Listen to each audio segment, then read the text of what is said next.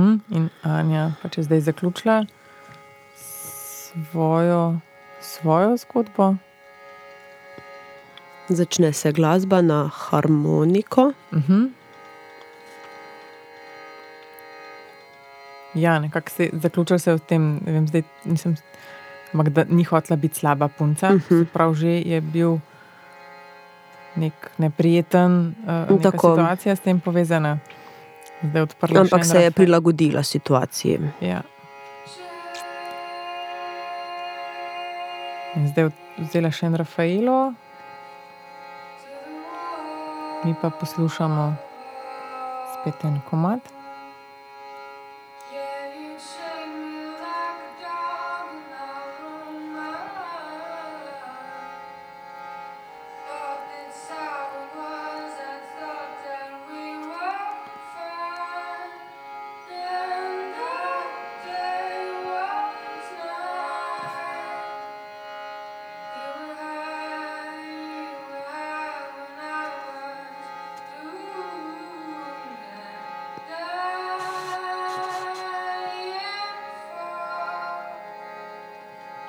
Anja še vedno je Rafaela.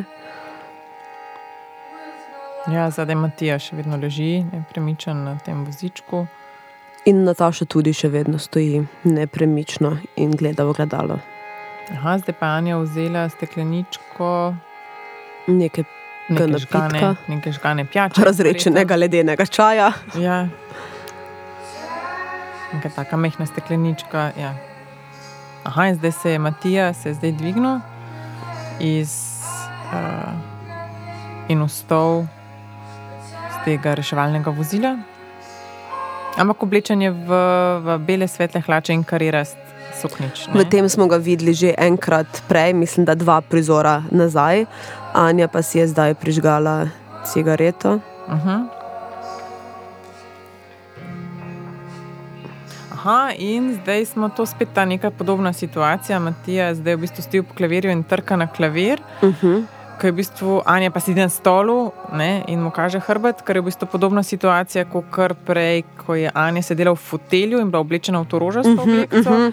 in je Matija prišel oblečen v. Tako in stal za njo. Ja, prišel je takrat oblečen v ta džins hlače, se pravi, to je bilo, oba dva sta bila v kostumih v 80-ih, uh -huh. tam se je pol zaključil. Ne? Ja.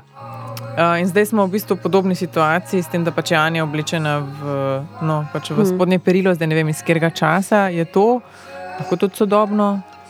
Uh, in Matija pač v bistvu tudi sedi, stoji zdaj zadaj, malo dlje za njenim hrbtom in trka. Tako da nekako, če podetektiramo, je to.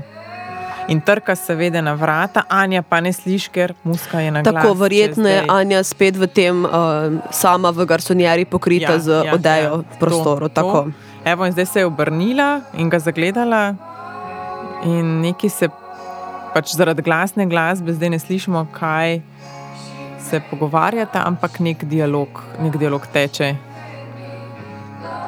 Um, z razdalje se se gledata, daleč, ne zdaj, ne ona. Nekaj si namigneta, nek, pokimata. Ja, neka ta, kot nek občutek, da se že dolgo časa nista videla, uh -huh. nekako neki je.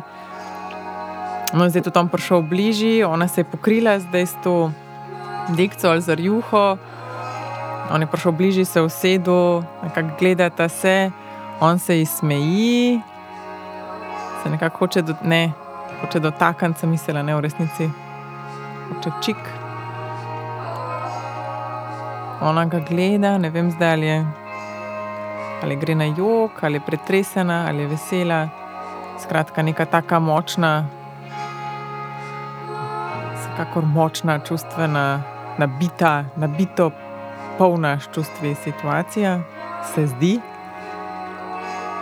Ti ja vzame to žganje. Ja, on je nekako tako sproščen, ne? uh -huh. se usede, ne vzame ta čik, vzame zdaj to pijačo.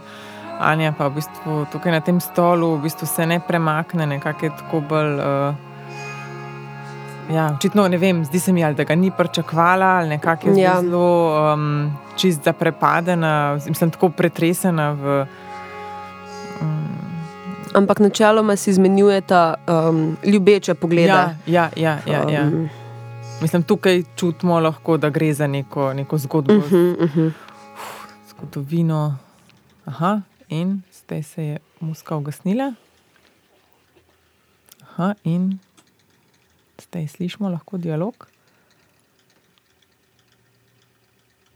Uh -huh. Aha. Mislim, da gre za podoben dialog, kot si ga je ona želela, da bi ga imela na železniški postaji. A, mhm, Da je moral iti, evo. ampak si jo je želel videti, in sedaj telefon. In zdaj ta telefon, ki je tudi takrat bil, ne, se spomniš? Aha, Aha. režiser. Ja, ja, identična situacija, Ja. je bila, no, kar bi si ona mogoče želela. Ja. Uh -huh. To se je tudi zdaj zvočno uh, povezalo. Režiser nam sicer zdaj sporoča, da se približuje polovica pr- predstave, da je pauza za kosilo, čas imamo 45 minut, da lahko dobimo kosilo tudi v klubu mladinskega oziroma Božidarju in da se vidimo čez 45 minut. In to je pač na mikrofon vse. Tako, povedal, seveda. Ja, Vse, kar mikrofon. pove režiser, pove na mikrofon. Tako, ja. In gremo na Kosilo. kosilo. Začenjamo z nadaljevanjem predstave, pravkar smo se najedli. In stane Tomazin nas je pričakal v zgornji dvorani, v svojem rezidenčnem prostoru. V slovenskem mladinskem gledališču. Tako. Na sceni vidimo mizo, dva stola, kozarce za vino in potem zraven še dva stola, postelja in nad posteljo. A, Jezus na križu. Razpelo, tako, se reče, razpelo. Um, Stane pripravlja mizo, oblečen je v kostum odrskega delavca ena, torej v ta rjav ibrcuk. Um, kapo ima na glavi tako. in pa pripravlja to ja, uh, neko svečano večerjo. Tako se zdi, ker pač je prt, um, kozarci za vino, zdaj skrbno uh, zlaga prtiček, prtičke. Vino je tudi na mizi. Tako da očitno je to neka situacija za neko romantično večerjo uh -huh. za dva. Ja, Um, tako seveda v tem gledališkem smislu. Ne? Se pač in za trud- sladico bodo kremšnite. Aha, spet hrana, hrana. Um, zdaj je lih pač iz neke plastične embalaže je dal na krožnik kremšnito. In zdaj iz druge plastične embalaže bo tudi streso. Še eno kremšnito. Tako da v bistvu večerjo smo že, uh, večerja je že bila, očitno bo to samo sledica. Uh -huh. Uh -huh. Sledica.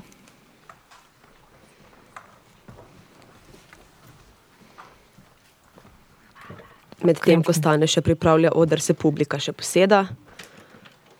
Sedaj prižiga svečo za bolj romantično vzdušje.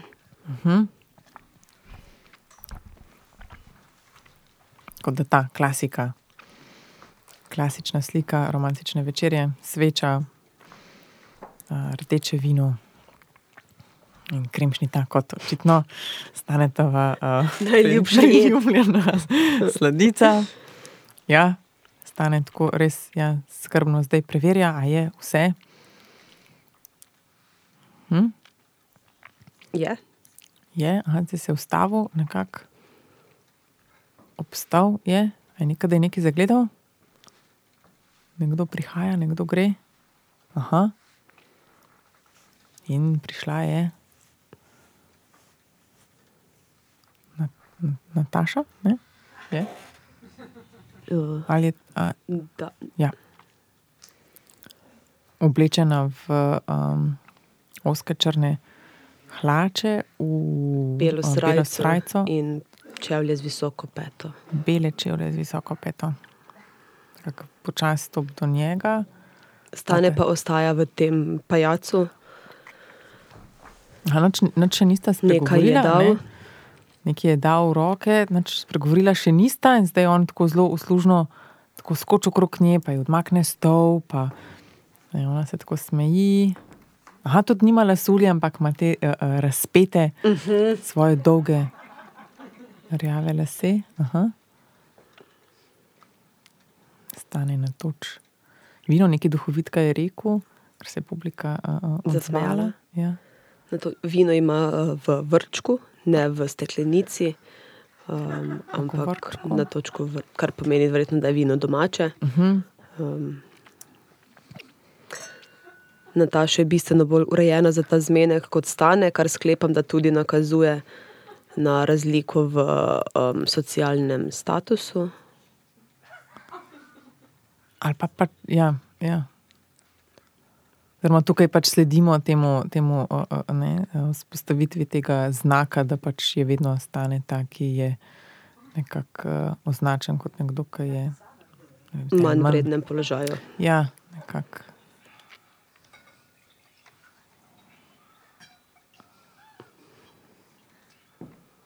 Stane na, na dušek spil, kozarc vina, si zdaj natočil noga. Aha, Nataša uh, si želi prižgati cigareto in stane in prižge. Nekakšna energija je, se pravi, ne, uh, ženska, ki jo igra Nataša, nekako tako mirna, sproščena, uh, medtem ko je stane veliko bolj nekako živčen, nervozen. Imamo nekih škatelc, ne imajo bo zaprosil za roko, reten, to se meni zdi, da so to. Uh, uh, zaročni, zaročni prstani. Taša si, si popravlja lase, Aha, glasba, romantična.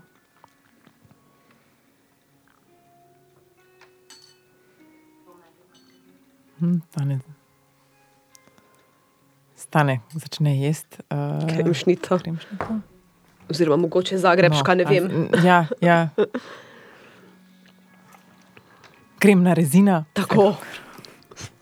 S čokolado ali brez. Ja.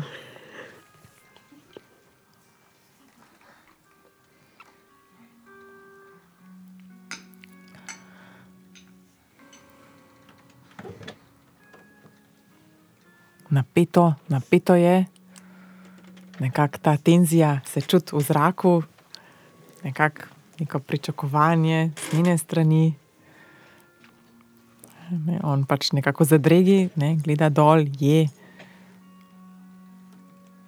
Ona pač ga gleda uh, direktno v oči.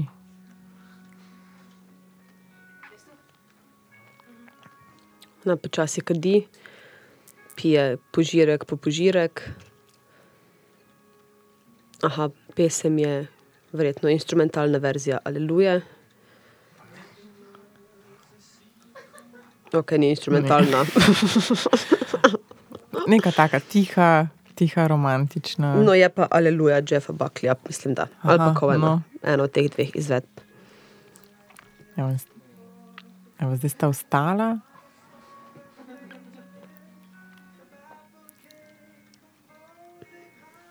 Stane tu se tukaj vidi, da ni um, vešč, oziroma njegov lik ni vešč um, elegance ali kako bi temu rekla. Um, ja, očitno je edini ples, ki ga obvlada polka. Ja, ker v bistvu zdaj stojite ob mizi in da boste ne, zaplesala, pač Nataša, oziroma ženska, ki jo igra Nataša, položila, uh, stane tu roke okrog, um, okrog vratu, um, njegove roke nekako usmerila na, na boke svoje. In zdaj je to nekako tako zadrega, nekako neroden mhm. ples, ki bi lahko bil tak nekako. Uh, Aha, in nežen. je Matija Vastl, oblečen v belo srajco, svetle hlače, si dal cigaret v usta, prisedel, pozdravil Natašo. Tako prekinu zdaj ta ne, nekako romantičen, romantičen moment. moment. Nataša ima še nekako bolj odpeto srajco, uh -huh. kot je imela prej, predvsem bolj si jo odpela. Tako da so zdaj trije za to, za to mizo. Mislim, da vsi predvidevamo, kako se bo to razpletlo. Kako, kako nika. Si upaš ugibati. Zdaj, trije so, ne? zdaj ja. to. Ne?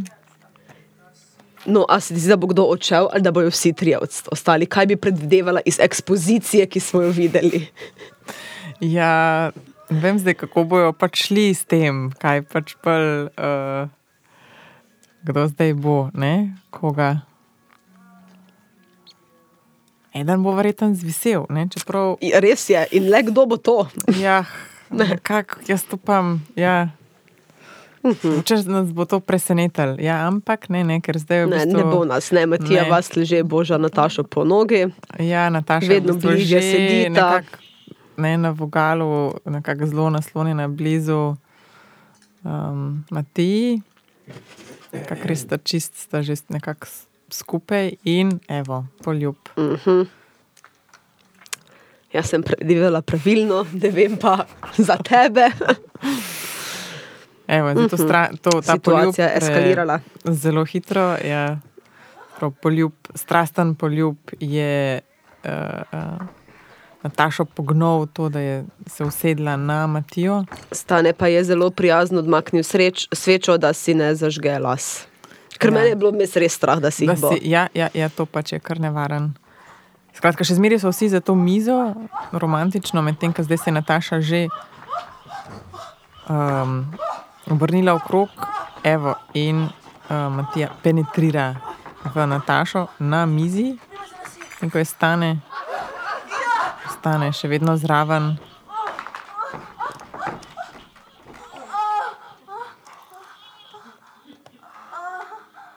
Strasten, hiter seks na mizi.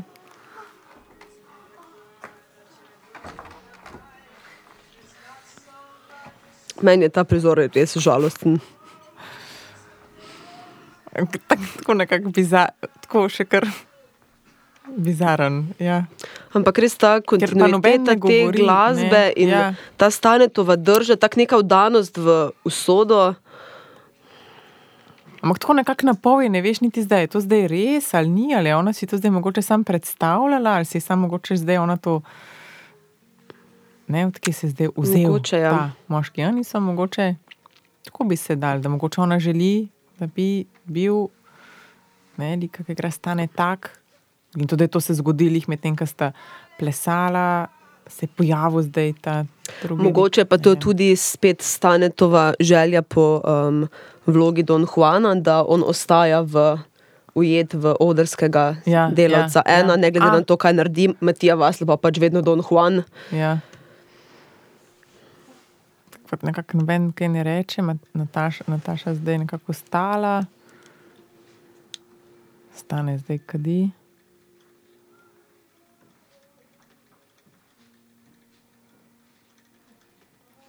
Evo je nje šla,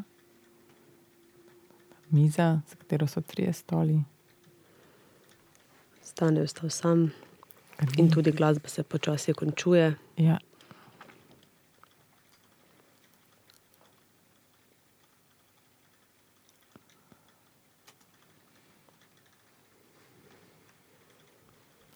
Ne vemo, zdaj si tudi stane, vse predstavlja, pa je vse to imaginacija. A ste kdaj to slišali, da Aha, nek posnetek. eh, v otroštvu ali pa celo zdaj, ko ste malo eh, manjši otrok eh, dejal? To je bil stavek, ki mi še danes odmeva v glavi. Ej, tebe ne bo nič, isti si in isti boš kot stric Korn. Eh, jaz imam mojega ate rad, res. Ja, poslušamo posnetek. Ja, nisem prepričana, čigav, ampak vsekakor en, ki se močno navezuje na. Staneta in Don Juana in tudi ta prizor. In tudi v bistvu ta prizor, na, ta prizor me zelo spomni um, tudi preko tega, kar uh, poslušamo sedaj na posnetku, na um, nekaj, kar je nekoč uh, um, um, Fitzgerald rekel, da um, rich get richer and uh, poor get children. In se mi zdi zelo lepo pove to, da je prehajanje v, social, um, v višji socialni sloj izjemno težko. da ima pomanjkanje pozornosti. In to berem tudi v smislu, da tudi je stane ciljev izven tega, dos, ne, svojega nekega bazena um, in seveda spodletel. To je ta nek posnetek, neka oseba. pa še disleksijo, da ima. Disleksijo so ugotovili pri 58. ADHD so ugotovili, Stane sedaj počasi pospravlja stole. Ja, nekako takem, sem jaz kot da se ni to zdaj nič zgodilo, kot da je to, ne, da ni pač sploh nič bilo. Ja. Neka taka, Tako. tak tempo prizora, prezenca ostaja tako zelo umirjena. Uh Mhm. -huh. Ta posnetek pa se zdi, da bi to lahko bil nek, kaj pa vem, nek radio, nek tak dost slab Ja, lahko. stand-up ali ne Tako, vem kaj, nek, tako. ta, nek ta humor, so ji rekli, da ne nek Stane sedaj usedel na drug stol poleg postelje. Ja, poleg posle, nad katero je razpelo, sta dva stola. Tako na enem enem je vedro, Vedro, ne. na drugem pa sedi stane. Tudi postelja je skromna. Um, a je to mogoče bolniška postelja? Ja, ali pa pač nek samostan. vem Ja. kaj. Mene bolj ta posnetek ja, zanima, zdaj to bi mogoče lahko dal neko lokacijo. Ne, veš, kdo, kakšen posnetek zdaj on posluša. Ne. poročen imel, Veš, kaj je to nek tak radio, nek, na žalost še naredil samomor, ampak stric Korvi je Slišati je, da se nekdo vozi v avtu, oziroma vozi na posnetku. Se mi zdi, da slišim nekak šum ceste. tak, z dost, takim specifičnim naglasom. Ja, nek, pa govori o tem, tej neki uh, grajenju slabe, slabe samopodobe, kako ne. Nekdo, če vam je že kdaj kdo rekel, da iz vas ne bo nič. mogoče me to spodbudilo. Stane se sedaj potem preoblekel se bo v spodnjice, snel si je kapo. Mogoče me je to rešilo, da sem bil potem 21, Ampak ja, zdaj kle pač poslušamo 21 generacij v srednji šoli. Ta posnetek je verjetno tudi nek glas v njegovi glavi ali Ja, nek spomin, ki pač razlaga, da iz njega ne bo nič, da ima 21 generacij v šoli. Previsoke in nerealne ambicije, da naj se sprijazni s svojo šolo, da je itak takih cel kup v njihovi družini. naša razredničarka, eh, hvala ji Bojana, Virjentova, še danes eh, se eh, imamo kar lepo, ko se vidimo, rekla, Aha, v tem vedru se je zdaj v bistvu Umil. umil ne? Kar pomeni, da je to njegova voda v tej, v tej sobi. Ali pa pač predstavlja umivalnik. Pa res smo bili. No, to še nič ne pomeni, če si v šoli najboljši, ampak to je ena druga zgodba. Ma ne poslušati ljudi, ki vam pravijo, da nečesa ne boste zmogli, ne boste uspeli ali pa dosegli.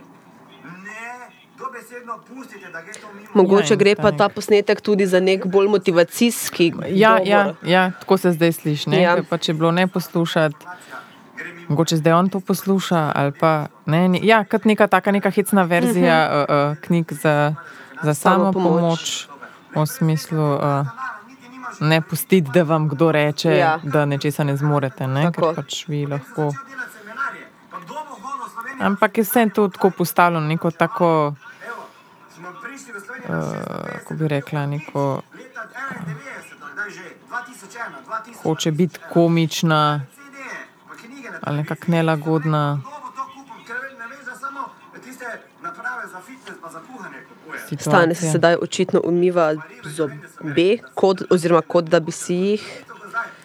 Nekdo mi je rekel, ko smo ustanovili novo podjetje PQ Akademija, ma kaj si šel zdaj to delati, pa to je noro, pa, pa da nimaš že dovolj, glej, ne, ker hoče vplivati na večje število ljudi. Kaj pa vi, hočete vplivati na, na večje število ljudi pozitivno, ali, ali boste pustili, da, da, da vam bodo ljudje negativne Skratka, stanje pa je pač nekako v čistem nasprotju pač s tem posnetkom. Tako. Ne, nekako, uh, zdaj, na- zdaj naredil en počep, kar je pač bilo kot telovadba, Tako, ampak tako, taka zelo lih komej, da je v bistvu. bolj premik kot telovadba. Ja, nekako premika se tako zelo, na kakem počasnem ritmu, pač čuti se, da je popolnoma resigniran, uh, brez energije, brez neke volje, Dan v sodo.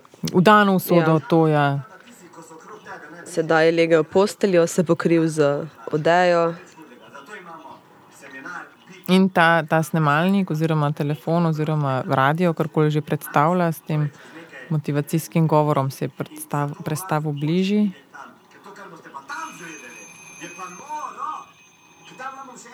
Aha, Nekaj je zazvonilo. Zvoni, ne vem, je to zdaj budilka ali zvonc ali telefon. Evo, tak. Ja, ja, ne dovolite, da vam kdo nič vaše sanje. Tako.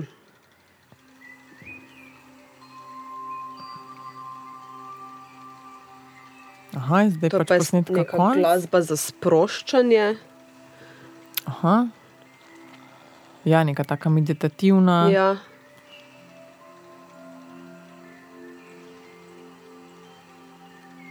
Pač zvoki nekega uh, gozda, Vode, ki teče in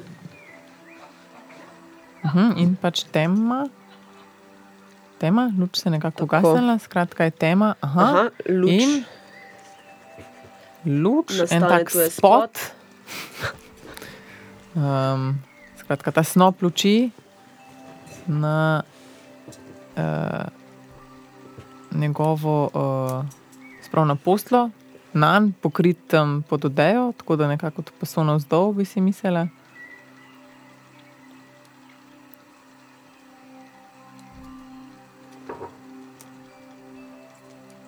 Evo, roko tudi vidim zdaj v tem.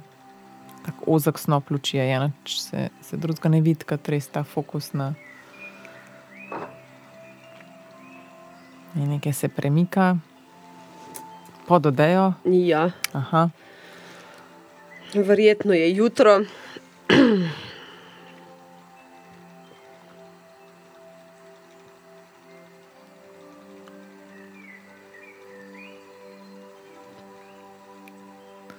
Ja, stane, masturbira pod odejo.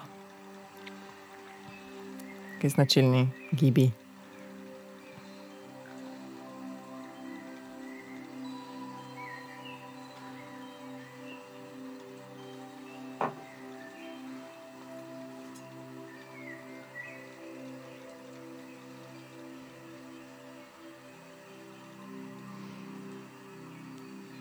Taka meditativna glasba, fokus na.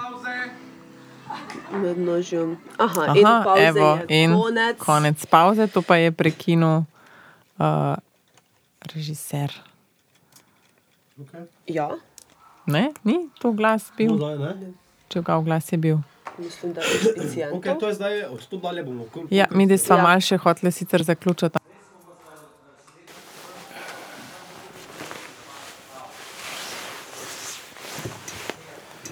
Štiri, zdaj.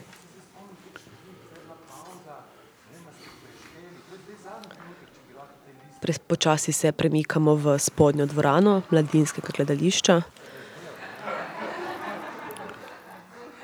Še vedno pa spremljamo deseturno predstavo, še ni naslova.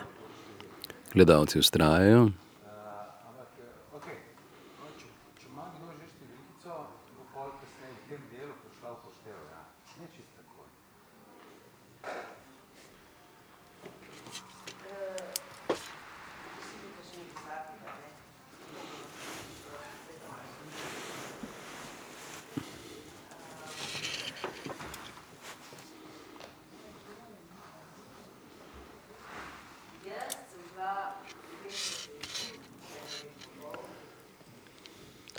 Še vedno je govora o številkah. um, Če bi na kateri koli točki eh, kdo od vaju rad um, delil številke, um, kar na dan z besedo. Sedaj pa v uh, usnjenem uh, fotelju vidimo Natašo Keser. Um, še vedno smo kostumografsko tam nekje v 80-ih. Um, ob, uh, oblečene ima te črne hlače oziroma pajkice, ki um, se zataknejo okoli pete, pa belo srajco, brez rokavov. Publika je tokrat um, umeščena na stopnice pod arkadami, um, torej vse okoli odra. Um, nismo več na vrečah, kot smo bili v prejšnjih prizorih, ampak uh, sedimo na stopnicah.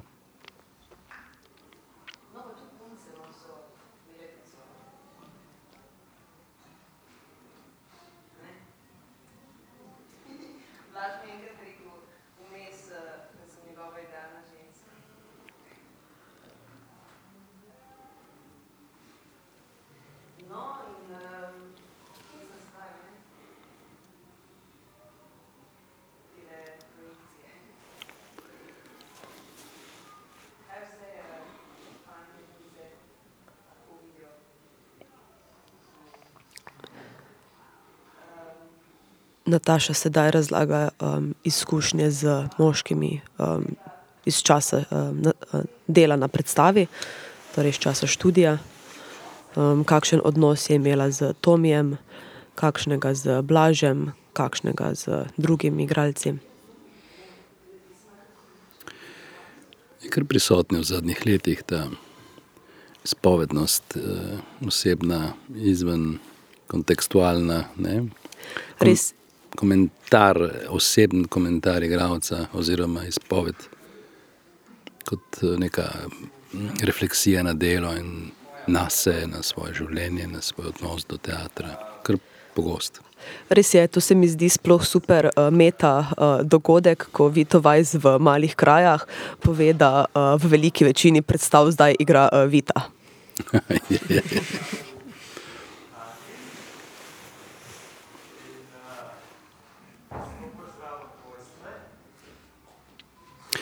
Vsekakor se v tej predstavi osnova, tekst Simone Semenič v mnogih trenutkih fino nadgrajuje. No, Absolutno. Besedilo se mi zdi res izvrstno, no je kratko in zelo jedrnato, um, istočasno pa tudi večplastno. Ja. Se pravi, kot je nekaj rekla igralka, ki je oblečena v osemdeseta z nekimi šteklerčki, črno-belimi, črnimi hlačami, da srajca na pol oziroma z rezanimi rokavi, lase ima v kitko, zdaj si je pa nase oblekla oziroma vzela šlafrok, pinki, roza šlafrok in stoji, se sprehaja, zdaj ga je sicer odprla, ob tem gromozansko velikem rjavem kavču, ki je približno dva, dva metra in pol oddaljen od stopnic, kjer sedi publika. Drugi igralec, ki pa je oblečen v nekega zdravnika, medicinskega brata, doktorja, doktorja, no, ali. Medicinsko osebje so opisali. Ona je oblekla krilce, ne? Da, oblekla je krilce in pristopila k enemu od medicinskega osebja. Vidimo, da jo spremljajo z uh, follow spotom, se pravi okrogla potujoča svetloba jo osvetljuje. Ne vemo, ali to delo opravlja tehnik ali to delo opravlja kdo od igralske zasedbe.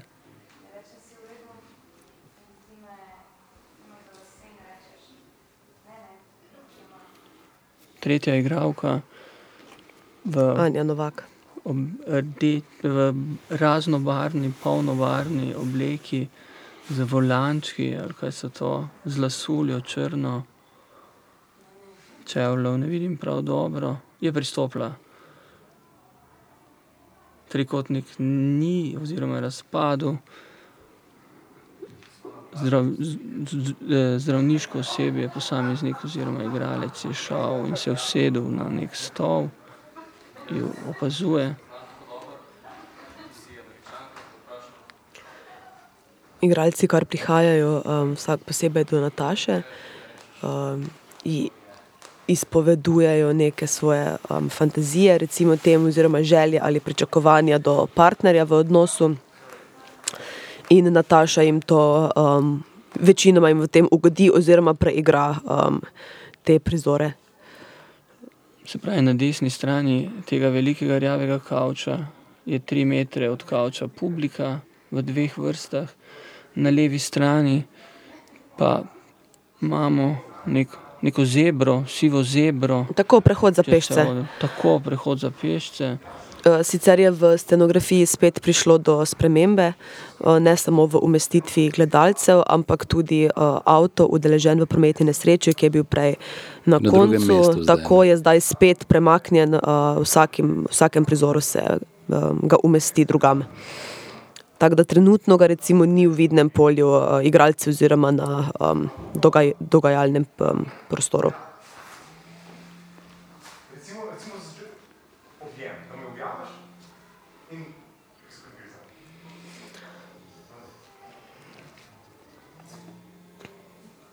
Na kavču, kamor se je usedla, igralka je še vedno osvetljena z follow spotom in oblekla si je nek črn sako, ki ga je v bistvu nekaj momentov nazaj si ga oblekla, zdaj pa ga je spet slekla in pospravila zdaj z kavča.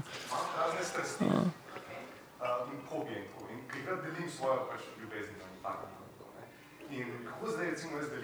Zdi se mi pa neka taka temna, hladna svetloba po celem prostoru, malo, malo, malo taka neutralna, bolnišnična, taka bolna, v kateri gledamo Ja. in opazujemo. Ker primerno, ne?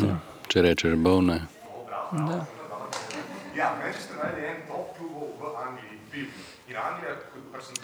Sam seveda moram priznati, da uprizoritve v živo nisem gledal.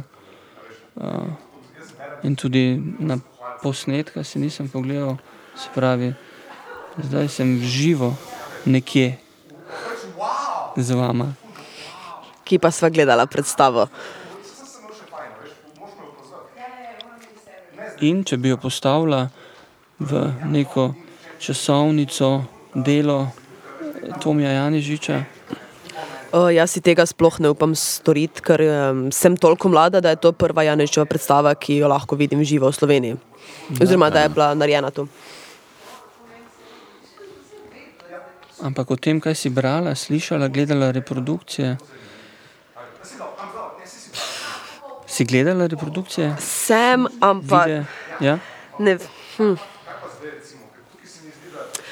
Mislim, očitno je ta. Um, To uh, um, um, um, vključevanje publike um, in pa tudi um, kolek, um, kolektiv, uh, kolek, igralskega kolektiva, oziroma niti ne igralskega, ampak uh, kolektiva uh, ustvarjalcev, zelo močen in zelo prisoten. Um, Tako da bi recimo, če smo, bi še vedno bi ga ocenila, da ostaja, v, da ostaja zvest svoji neki um, poetiki, ki jo je razvijal že, oziroma vpeljal že zelo um, dolgo nazaj. Um, če smo se včeraj pogovarjali o um, Lorenciju in uh, uh, dramaturgiji v tem obdobju, uh, se mi zdi, da, je, um, da ima Janežič uh, manj obdobij in uh, bolj dolgotrajna.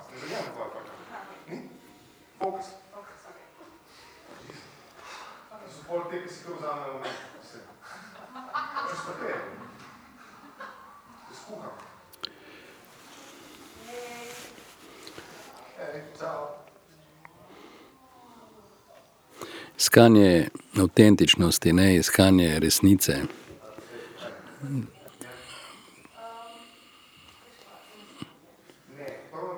Zelo noter in obenem zelo zunaj. Ne? Ej,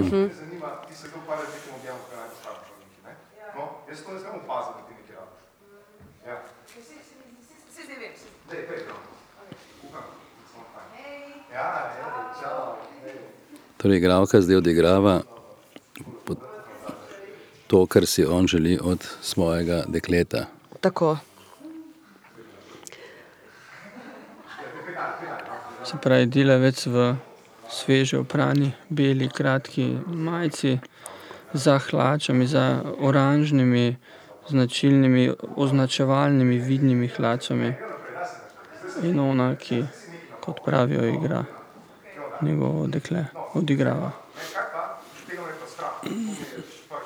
Stojite v poziciji med kavčem in med oznako dela na cesti oziroma neke nesreče, ki je sestavljena kako iz sivih enostavnih podstavkov, rdečo-beli trak, spodaj je pa En krok, en krok oziroma izgleda kot uh, hula hop. Je, ja, ta hula hop obroč. no. Ja, ja, ja. Če se kdo spomni strokovnejšega izraza. Hula hopa obročete. To je najbolj strokovno po mojem. Kot kljupica. Tako kot klupica. Kot.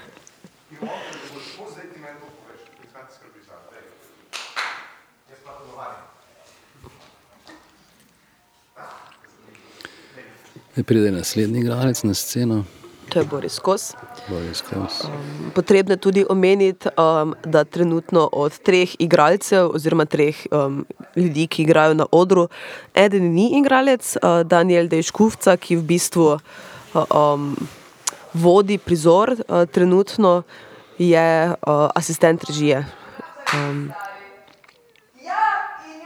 bil pa predstavljen, sicer je pa gledališki režiser. Da se pravi, delavec z Adidasimi belimi teniskami, Ja. ja. tri črte, on je prevzel zdaj tudi spot, njen Tako. spot.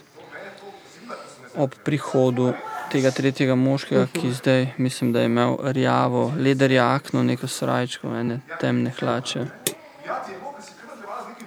Na tleh sta še vedno med delom na cesti, oziroma pozicijo označeno kot delo na cesti in rjavim gromozanskim enosedom.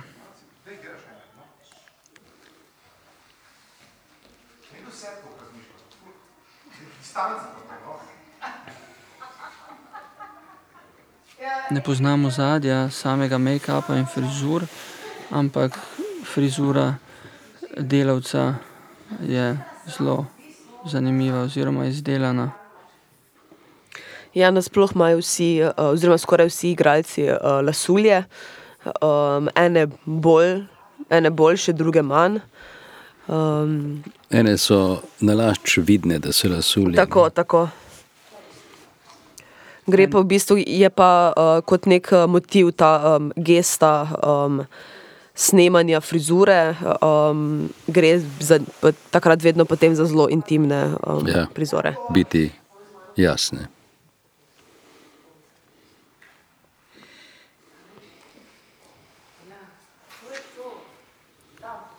Zdaj ona govori o idealnem moškem.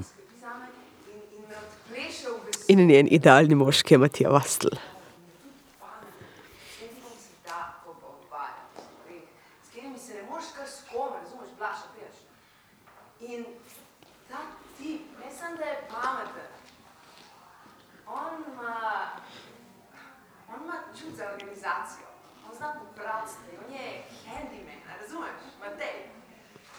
In ne samo to, ta tip, če vidim, ja, to je to, to je to, evo, ta tip ima tudi X-faktor.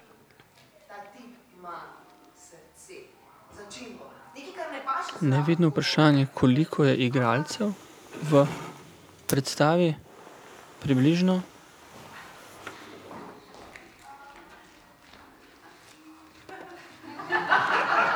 Sedaj.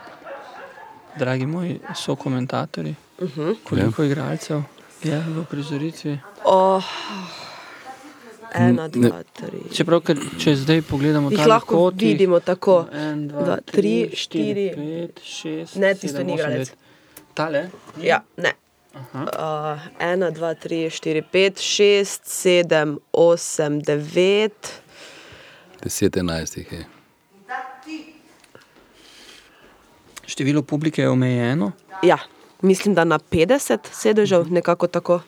se pravi, če govorimo o kotu kamere, je zdaj, smo v bistvu obrnjeni stran od publike. Na tej levi strani naši je verjetno več publike kot na tej desni, ker Uh, ja, smo- nekako tako polovično si razdeljen, je pa pol, ja. tudi odvisno, ka- um, kak tip gledalca si in koliko si, um, kakšno vizuro potrebuješ.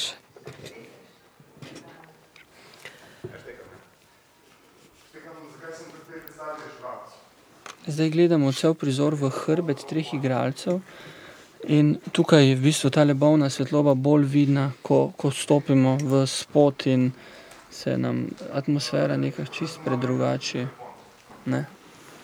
Čeprav v tem primeru pa vidimo, da je zelo svetlo, ne? da je tisto, uh -huh. kar sem tam gledal, na nek način vara, se pravi, svetloba je kar močna. Ne?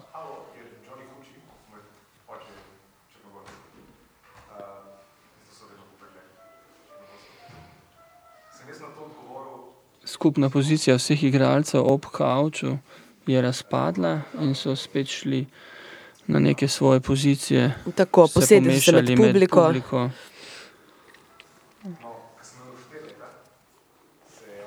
Spot še vedno sledi delavcu.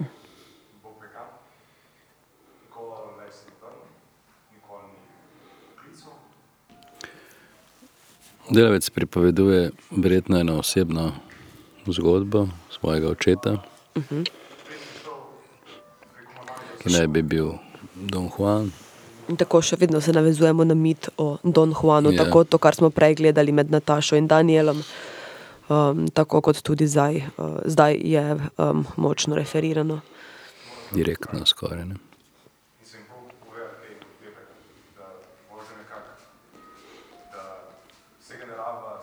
Mislim, da smo na tisti 21 minuti 17 opazovali režiserja, ki je za belim krožnikom gledalcem razdeljeval najverjetneje nekaj za jesti. Uh -huh.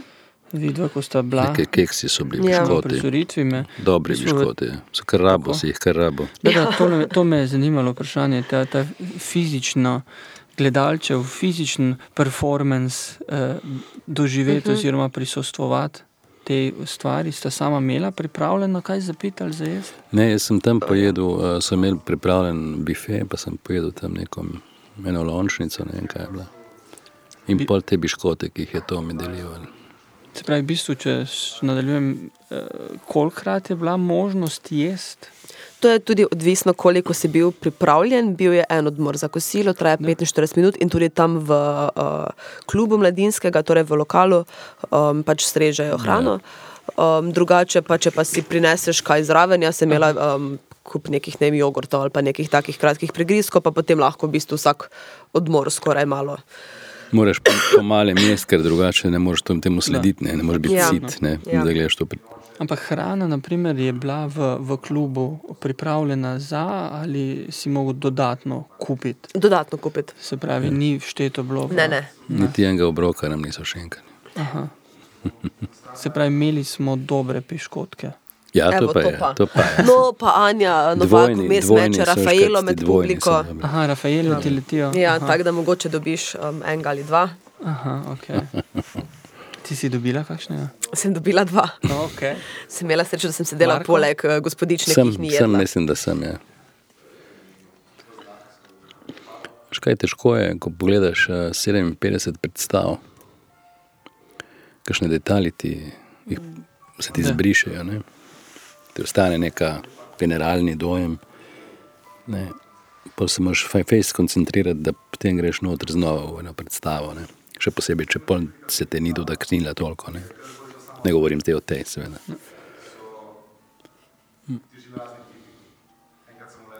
Dobro, imaš neke zapiske, neke maj. Da. To je samotno početje, skončno samotno. Ampak v bistvu ta ritual, struktura tega početja zelo zanima, te, tega selekcioniranja, oziroma kako izbrati tisto, ko si v tej poziciji kuratorja. in Ma, veš ko kaj, vidiš mislim, 57 predstav. Pri meni, pri meni je osnovno to, da ob tem, da pač neke osnovne zadeve mora imeti predstava, ne zato, da jo sploh jemeš upoštev. Ne. Pa se te mora dotakniti. Mislim, meni, meni se mora na nekem nivoju, ne, se me mora dotakniti ali seveda z refleksijo do, do časa in prostora, v katerem dela, do zgodovinskega trenutka, eh, na nekem drugem estetskem nivoju ali na nekem Ampak kaj se, kaj se pa zgodi, ko veš, da je številka, ki jo moraš izbrati sedem, eh, dotaknilo se te pa je 12 predstav ali pa 9. Ja, prvo moraš biti zelo iskren. Do, jaz, sem, jaz sem se letos odločil, da sem zelo iskren do sebe, ne glede Ja. na. Prav sem rekel, nimam več let, da bom zdaj tu neke kompromise delal, ker kaj, mislim, ne da se mi več to. Okay. Ne da se mi. Je bilo še, seveda, imaš prav, je bilo še par predstav, ki bi lahko prišle v poštev na tak ali drugačen način. Ne. Mislim, ker sam, Ampak- sam imam te izkušnje, da potem te, ti se pač nekah, še vedno razmišljaš, ne da bi imel neko slabo vest, da koga nisi vzel, ampak eh, kaj bi tisto preneslo programu. Ja, ja mislim, preneslo. moram vedeti, ali, sem, ali delam kompromise, ali sem iskren. Ne? Tako da sem se odločil za to iskrenost osebno. In, dobro, ne pomeni, da ta moja iskrenost je, seveda je subjektivna. Ne? Ampak ob enem, kot ponavljam, jaz sem v tolikih letih že približno, bi, mo, bi moral vedeti, kaj, kaj, kaj ne. ne mislim. Lahko pa tudi grešiš. Ne? Ne, mislim, tudi se zgodi, da predstave so, ki jih vidiš na začetku leta, se tokom življenja te predstave popolnoma spremenijo. Ne? Na koncu, na koncu ali zraste predstava še bolj, ali pa zgubi ves naboj, ki si ga ti čutil v njej. Ne? Se pravi, to je verjetno iz izkušenj, da greš predstavo večkrat pogledati. A ne, ne grem večkrat. Ne. ne, ampak eh, se spomnim, da pred leti sem izbral za teater, ker sem delal in, in sem bil popolnoma razočaran. Seveda jezen nad sabo, da sem jo izbral, ampak ona se je spremenila v, v času njenega bivanja. Ne.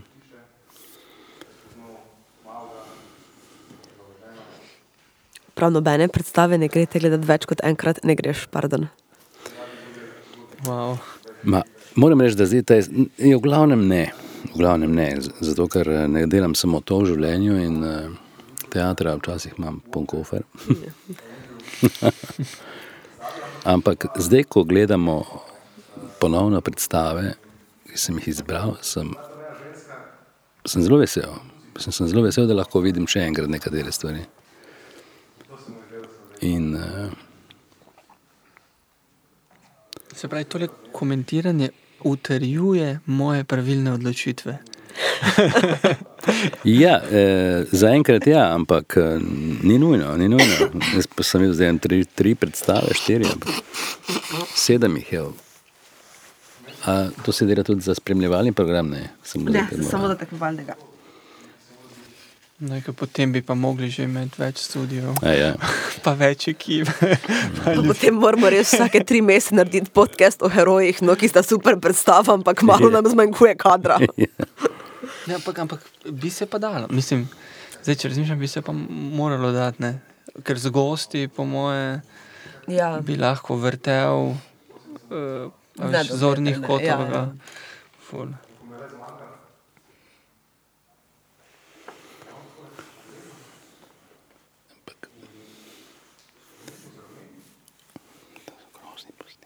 Ja. A ja. Lahko jaz na glas rečem, ker sem že začel komentirati kote in snemanje. Ja. Mm, To so kot tune kamere za, za varnost. ja. Ampak je tudi mogoče, da ne, da bi zdaj sam začel neke argumente iskati. Um, je tudi tale dvorana, kot jo poznam, mislim, je tudi dosti zahtevno. Sploh v taki ja, predstavi, se kjer so malo igralci lahko med publiko povsod. Ja, potruditi, potruditi. Mislim, to je za arhiv, ne? Da. Je pač, Ampak je zani- zanima me, koliko je bil pomemben faktor um, za to, kar gledamo, da vidiš tudi uh, igralce, um, ki pa sedijo okoli. Ja. Koliko je, mislim, ne vem, Mislim, jaz, če tale kot. Ker zdaj je res definitivno, ja. ja. Sej zato sem prej postavil tisto vprašanje, koliko je publike in mm. gledalcev na tisti drugi strani, ker mi zdaj praktično, praktično eh, nam usmerjajo pogled v, v, v oder, ne? nismo prostorsko, ne? nismo še rampe prestopili. eh, eh, Pravzaprav nikoli, Ne. do zdaj, mislim, zdaj kar tale del gledamo. Ne? In se mi zdi, zdaj, in se mi zdi fino, mogoče, da zdaj, ko imamo še Marka, pa nekaj, ti si tukaj. eh, Sem zelo dosti, mogoče največ razmišljal o tem, če bomo se pogovarjali, kakšna ta dokumentacija je in kaj sploh ti ta posnet. eh, Teater, ki v bistvu včasih, ko snemajo teater, vem, da grejo še z večjimi kamerami, kot je to televizija delala, oziroma ko smo kot študenti filmske režije delali na faksu.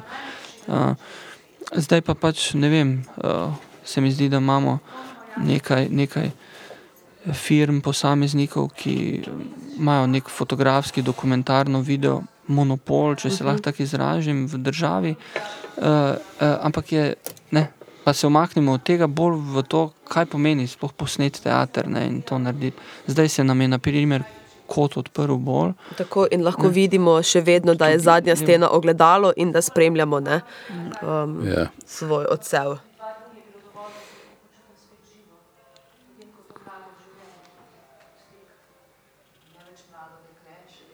To je bolničarka.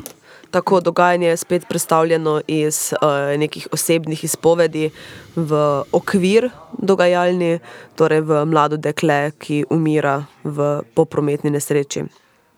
Zanimivo je, ker je to v bistvu predstava, ki traja par sekund, torej par trenutkov, ko se še borijo za njeno življenje, bolničarji, ampak teh par trenutkov pa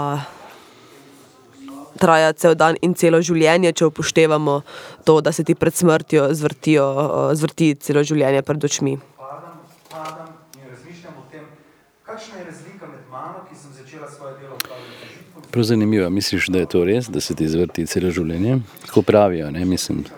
Ja, ne, ne vem, upam, da ne. Zakaj? Vse te lepše stvari, mogoče samo. Ja, če se neka selekcija zgodi, potem absolutno, ampak če pa gre vse, potem pa ne vem. Spominov iz vrca res ne bi rada več gledala, ali pa nekih takih, ne Jaz vem, ali pa ne. srednje šole. Jaz Mislim, to so ne, ja. grozljiva obdobja. Ja, se strinjam popolnoma. Meni je, na primer, bi bilo samo zanimivo vprašanje, kako hitro bi to šlo. Ker če bi šlo, tuk, tuk, tuk, tuk, da mi ne bi pustilo fej zamisliti, se mi zdi, da bi rad videl ene slike, ki vem, da jih zdaj več nimam. Ja. Ja. Veš, da, bi, do- da bi, se pravi, da bi ti tale Ma hitro, material. hitro, da- verjetno že res gre, da. po mojem, ne? v nekih, v nekih Ampak da ti bi ponudil študene poglede, ki Ja. si se jih pozabil, ki so mogoče v podzavesti. Pa A, jih, tisto zagotovo pride kaj. ja, ne. veš, tisto bi bilo. Ja, ja. Ker te, ki jih vidim, me tako že zdaj frustrirajo. Ja, sej. tako da bi imel nekaj. Zato pa jih jaz nočem imeti še več. Ne? Tako kot smo zdaj dobili za me nov, nov. Ho- Hotel sem samo dodati prej še tudi, da se tako vse prostorsko dogajanje in preskakovanje, potem tudi v govoru med nekom, ki sedi nekje, to bi bilo tudi veliki, uh -huh. ne v enourni predstavi, je že veliko delo, kamoli v deseturni predstavi Ja. in mogoče še v nekih odprtih, improviziranih strukturah to snemati, to bi mogla biti ena blazna tehnična ekipa, da Absolutno. bi ti naredil, rečemo. Razumem, ja, ne. ja. In tudi pol v režijskem smislu, da ti to vse zrežiraš. Ta, po, ne. Ja. Ampak po drugi strani, a je to funkcija, ki jo posnetki predstav sploh imajo? Ne. Ne, ena je arhivski posnetek Tako, in ti ja. moraš imeti čim boljšo En total. dokumentacijo gledališkega dela. Ne? Ja, ja. da, da vidiš uh, gledališko predstavo, kar je verjetno na videu najbolj dolgočasna stvar, ki jo lahko gledaš. Če pa je, hočeš to predstavo prenesti v ta medij televizijski, uh -huh. pol moraš, to je bil, se spomnim, zelo odličen režiser v Sloveniji, bil Janez Drosk. Ne, ne. Drosk je delal to genialno, moram reči. Ne? S kamerami znotraj dogajanja. Skratka, tis, predstava je dobila popolnoma neko drugo dimenzijo, ne? ki ni bila tista predstava. Ne, se, Ne. in ostala ob enem. Tja čez. Sedaj se je um, luč spremenila, um, smo bolj poltami kot kaj drugega, in igralci, ter, uh, oziroma um, ekipa je povabila gledalce, da se premaknejo na, nazaj na tribuno, tam, kjer je publika že zač, uh, sedela v prvih dveh dogajanjih, na fotelju pa spremljamo Dan, Daniela Dejškufca in Anjo Novak, ki se poljubljata. In ta lepa tema je v bistvu uh, celostna svetloba v, v dvorani šla dol, ona dva pa ostajata v tem follow spotu. Malo imamo sve za gledalce osvetljeno situacijo, da vejo, kam stopati. Spet slišimo režiserja in njegov odmev.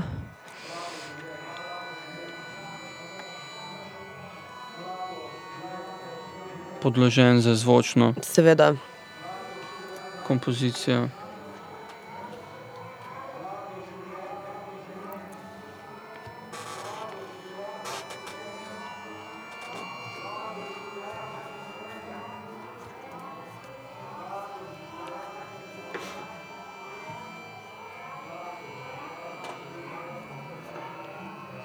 Referenca ogledala, v katerega se gleda publika in performerjev, je seveda Dan Graham in eh, njegova dela iz, iz 70-ih.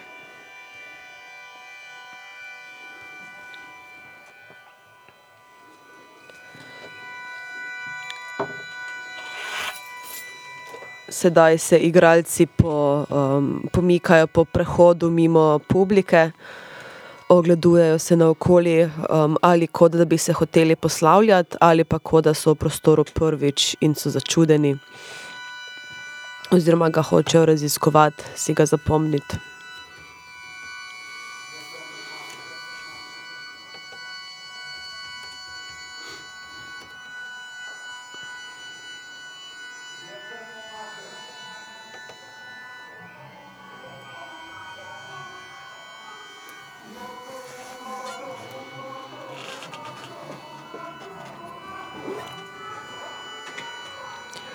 Počasi se po prehodu pomikajo proti koncu odra.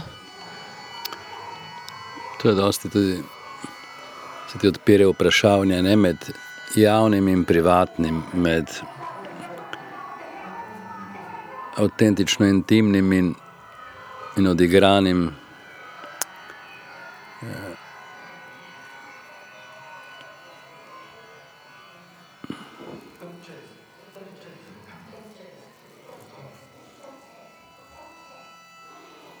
Aha, to so angelčki znova. Ja. Tako, sedaj vidimo luč na koncu tunela.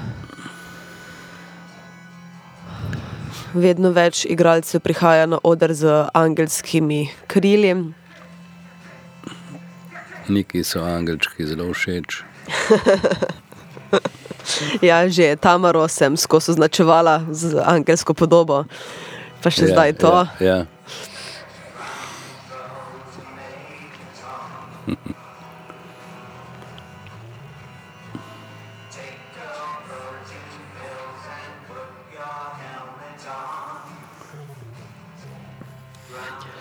Igralci se zbirajo na koncu dvorane, s hrbti obrnjeni proti publiki. Počasi se jim približuje tudi Daniel Dejškufca, medtem ko Anja ostaja sama na fotelju. Verjetno spremljamo enega od momentov njenega umiranja, um, Anja v vlogi mladega dekleta. Um, angeli se ji približujejo, tema je v dvorani, pada, počasi pada tja čez. Poslušamo pa jasno David Bovija, pred kratkim umrlega.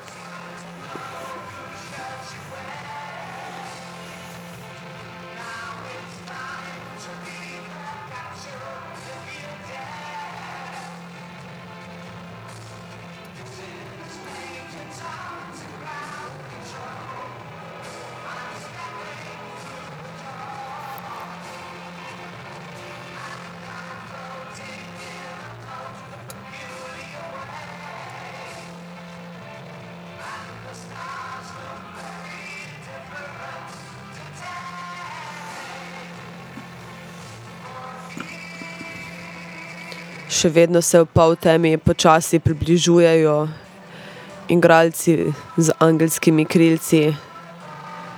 Ani?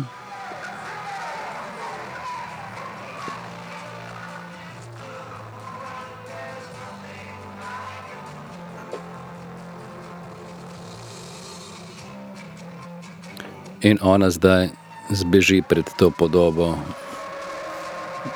in se vrne, in si tudi sama nadene krilca. Očitno se je tu zgodil nek prehod iz enega sveta v drugega.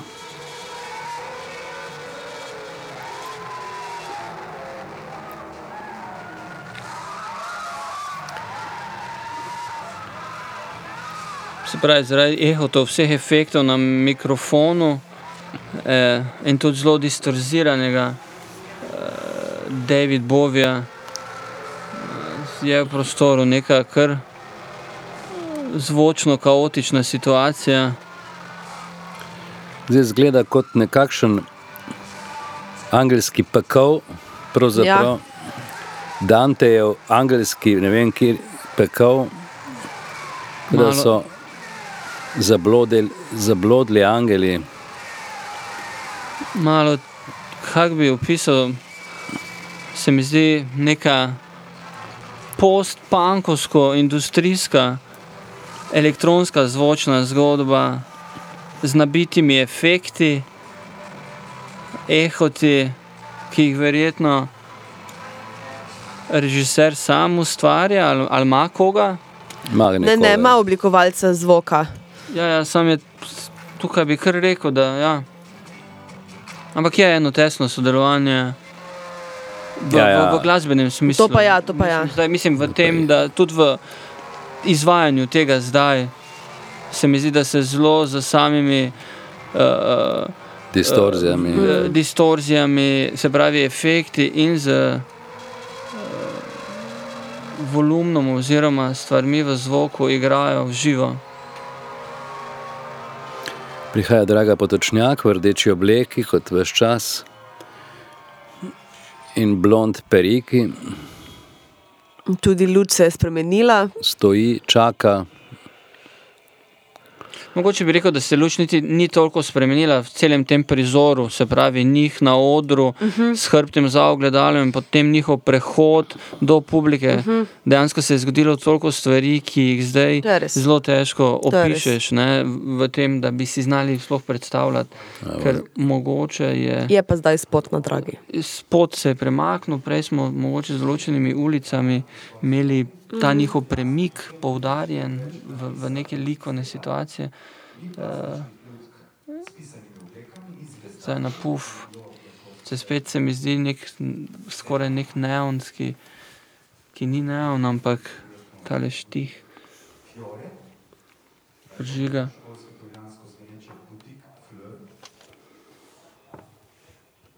Ogledalo je še, čeprav čeprav morda ni isto kot prej, in še vedno ne drži odrski Vrnili smo se torej v prodajalno z uh, oblačili, v kateri je um, lik igralke, uh, uh, lik, ki ga igra oh, Draga Potočnjak, izbirala obleko um, za zmenek. gospa v 60-ih se ogleduje v špeglu in nestrpno čaka. Strpno čakaš, da bo potrkalo na vrata. Največ mlado dekle pada, medtem ko gospa v 60-ih nes- nestrpno čaka, da bo potrkalo Na odru sedaj vidimo samo Drago, uh, režiserja Tomija Janežiča, ki jo na mikrofon opisuje. Tako slišimo tudi njegov glas.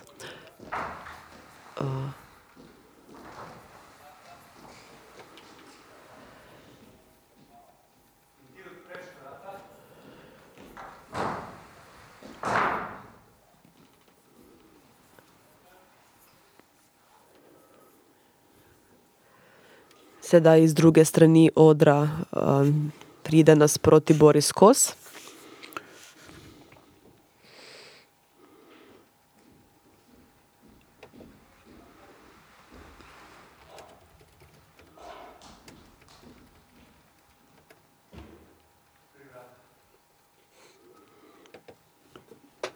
Naredil je prostor, je umaknil praktikable. Še vedno pa na sredini vidimo um, s hula hopom zamejeno um, kot luknja, v katero smo v enem od prejšnjih prizorov videli past lik. Ja. Gre pa verjetno tudi za oz, uh, označevanje prometne nesreče. Um, v kateri je stradalo dekle. tako, um, sploh glede na to, da to, um, tu ni avta, ki je sicer vedno prisoten.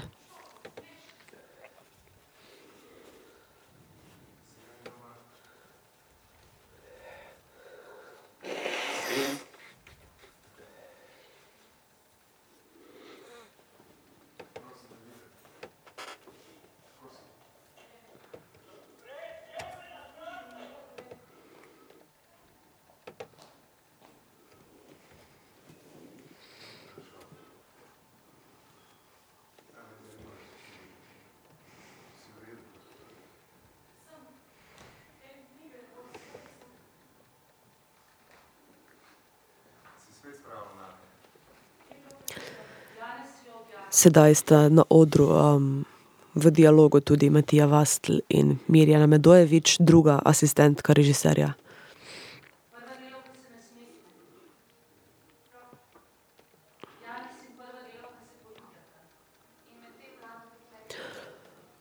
Iz strani vidimo um, na tribuno prihajati igralce. Neda Bric.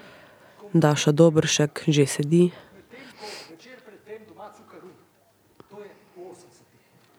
In uh, hkrati zima 2017-2018 in hkrati zdaj, uh, 15-48, zdaj in hkrati takrat, ko vse to nastaja. In hkrati se pravi, hkrati ne več mlado dekle pada. Moral sem te videti, hkrati mlado dekle, uh, Da. mlado dekle umira. Hkrati, ko umira, večer pred tem pije rum, hkrati tisti, eh, se veste, 80-ta, iz Cajtov Jugoslavije, rdeča jadrnica z belimi jadri, danes je eh, 3. oktober 2018 morje.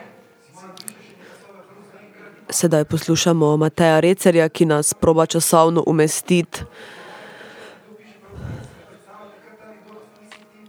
Gibljemo se nekje med 80-imi, kar je dogajalni okvir um, besedila, in potem čas nastanka besedila, in leto in pol, ko so delali predstavo, in moment, v katerem smo zdaj, ko gledamo predstavo, istočasno tudi trenutek, ko mlado dekle pada tja čez, um, in trenutek, ko se medicinsko osebje bori za njeno življenje.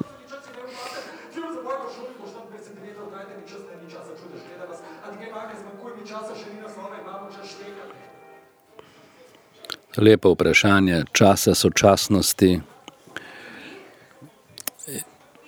In to Ta je, dimenzija časa je super no, me- vprašanje. Ne? in to je v bistvu prav uh, stvar, o kateri sem prej začel govoriti, uh, kar se tiče ogledala. Uh, zdaj smo v bistvu v eni idealni situaciji, publiko imamo za sabo, ogledalo je pred nami, performerji so med publiko in ogledalom. In pridemo natančno do situacije Dena Grema iz 1975. Performansu je bilo naslov Performer Audience Mirror. Ja, vidite. Se Mhm. pravi, uh, performer je bil med publiko in med ogledalom. Mhm. In cel performance, zdaj se mi zdi tako dobro izhodišče, je bilo ta Ja, ja. čas, o katerem je Marko govoril. Cel performance je gledal, opisoval, kako se publika obnaša, enkrat dalj čas, dalj, daljše časovno obdobje v obraze publike, enkrat v ogledalo in jih preko ogledala opisoval. In zdaj, ko ste rekli 80. Uh, ja, morda referenca ali pa nekaj, na čem so avtori predstave delali in poznali. Mhm. Ja, po Dana mojem, ja, ja, ja. Absolutno. Hvala, Miha, nisem uh, za to Ja. ja. informacijo. Hm. Dan Graham je teoretik, uh, avtor, ustvarjalec, uh, vpeljeval je nove medije v, performativno, v uh, delo z kamerami, videi. Mislim, pač nekaj, kar uh, ja, del, del zgodovine sodobnega arta.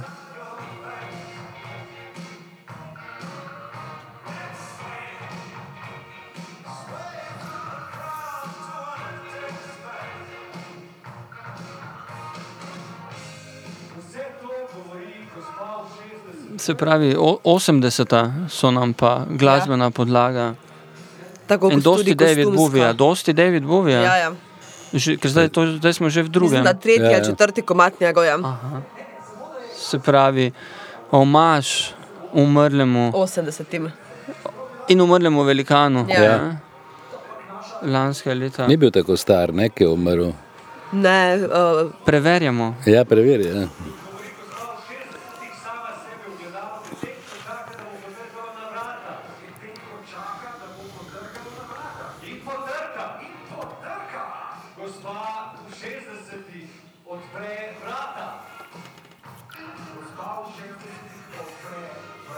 Ja. Umrl je 2016, David Bowie, ampak zdaj, ravno ko smo ga šli iskat in sem poslušal tekst 60, 70, 80, se pravi, kameleon David Bowie, ki je ja, ja, ja. bil to in Ja, ja, ja. spet referenca, mm. očitna.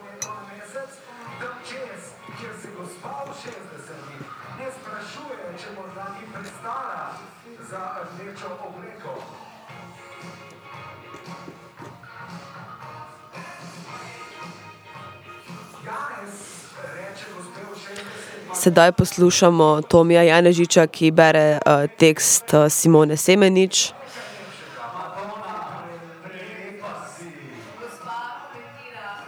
Igralec potegne tepih rdeč do igralke in preko nje, da zdaj stoji na tepihu in čaka ta prihod moškega s šopkom rož.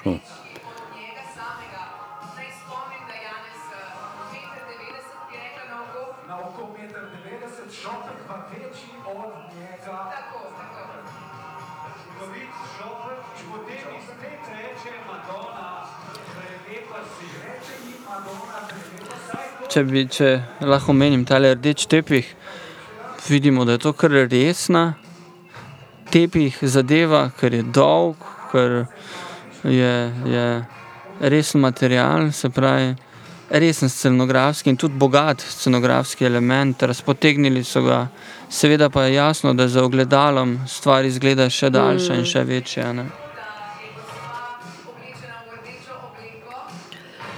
Sedaj se na odru zbira tudi vedno več igralcev, Draga Potočnjak in Matija Vasl, ki v rokah drži šopek rož, si držita nasproti, vsak na svojem koncu um, spodnje dvorane. Rdeč, in rdečega tepiha. Tako na, uh, na rdečem tepihu. Okoli njo pa so Nataša Keser, ki jo pravkar poslušamo na mikrofonu, tudi Boris Kos, uh, vidimo lahko tudi Staneta Tomazina. Ona na rdečem tepihu je osvetljena z spotom, on na rdečem tepihu, nekaj 10-15 metrov stran od nje, pa je dvignjen, ker je, je v višji poziciji in da drži rože, zreta, gledata drug proti drugemu. To srečanje je zdaj postavljeno, kako bi rekel, dvignjeno na visoko raven pomembnosti tega srečanja. Mogoče ironično malo, ne? ampak seveda ima. Animalični lik odnese šopek rož od njega k njej. Ona se mi zdi tako boga tam na tistem tepihu, svetljena, gospa v 60-ih.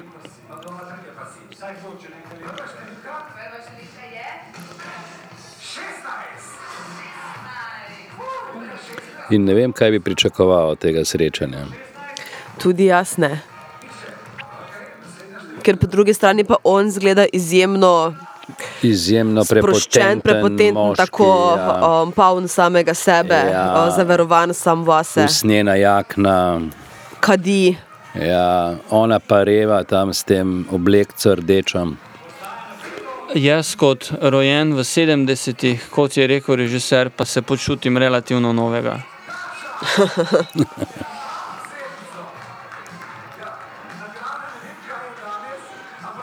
Zdaj žrebajo številke tudi, ki so jih Mhm. razdelili publiki. Prej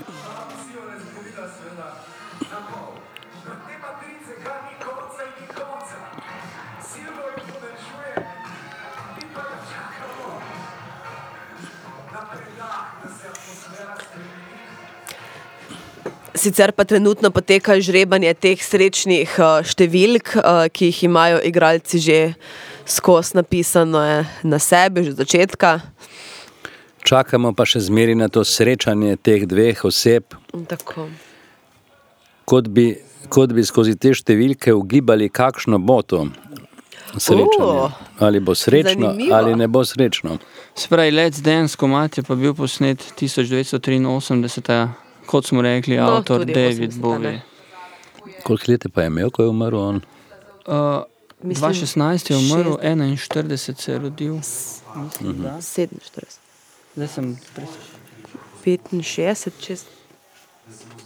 Nekako. Ne dovolj za v penzijo. Nedovoljno. Je pa, kaj se samo moče zgodovine komada tiče, da je eden izmed najhitrejše prodajanih eh, komadov David Bovija in komad, ki je tudi najhitreje in zelo dolgo ostal na lestvicah. Vzdušje na odru se je sedaj rahlo umirilo, uh, vidimo samo še Matijo Vasla in Drago Potočnjak, ki pri miru stojita. uh, drug nasproti drugega. Um, poslušamo pa Tomija Janežiča in Natašo Kesar, ki opisujeta notranje dogajanje v um, prej omenjenih igralcih, ki pričakujeta to srečanje.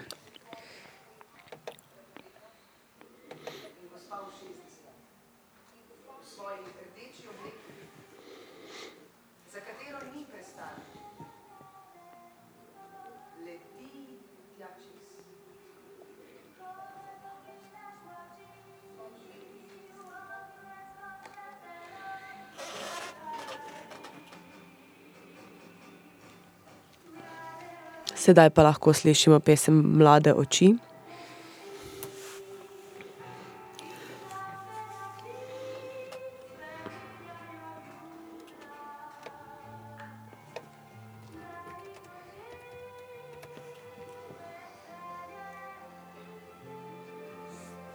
Ditka Haberl, 1973, mlade oči.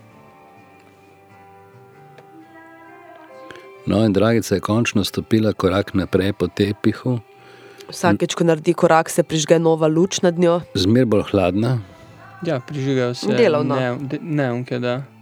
Oziroma, pravilno so fluoroti. Torej, to srečanje še zmeraj ne vemo, kakšno bo. On jo pa še vedno čaka više, se pravi, po stopnicah bo treba. Prej sem se zmotil, da ima jakne usnjeno, nima jakne usnjeno. In sedaj je odšel. In odšel.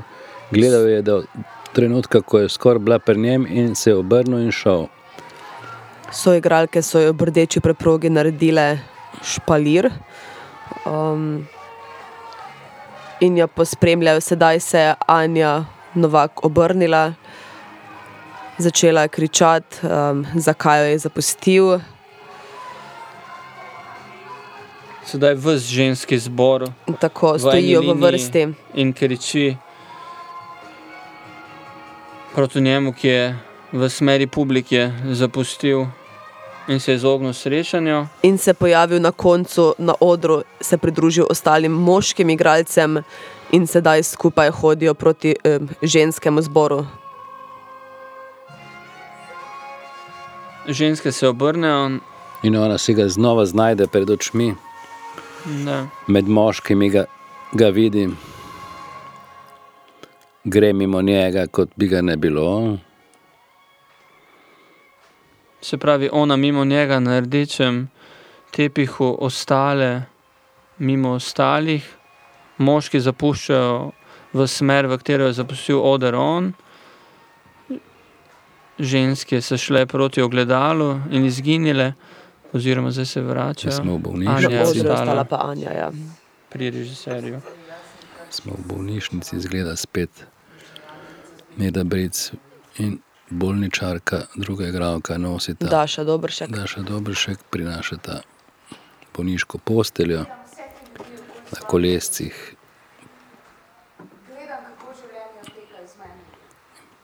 In pravite, kako se zdravnika pogovarjata, kako izgubljajo to mlado dekle, v smislu, da umira.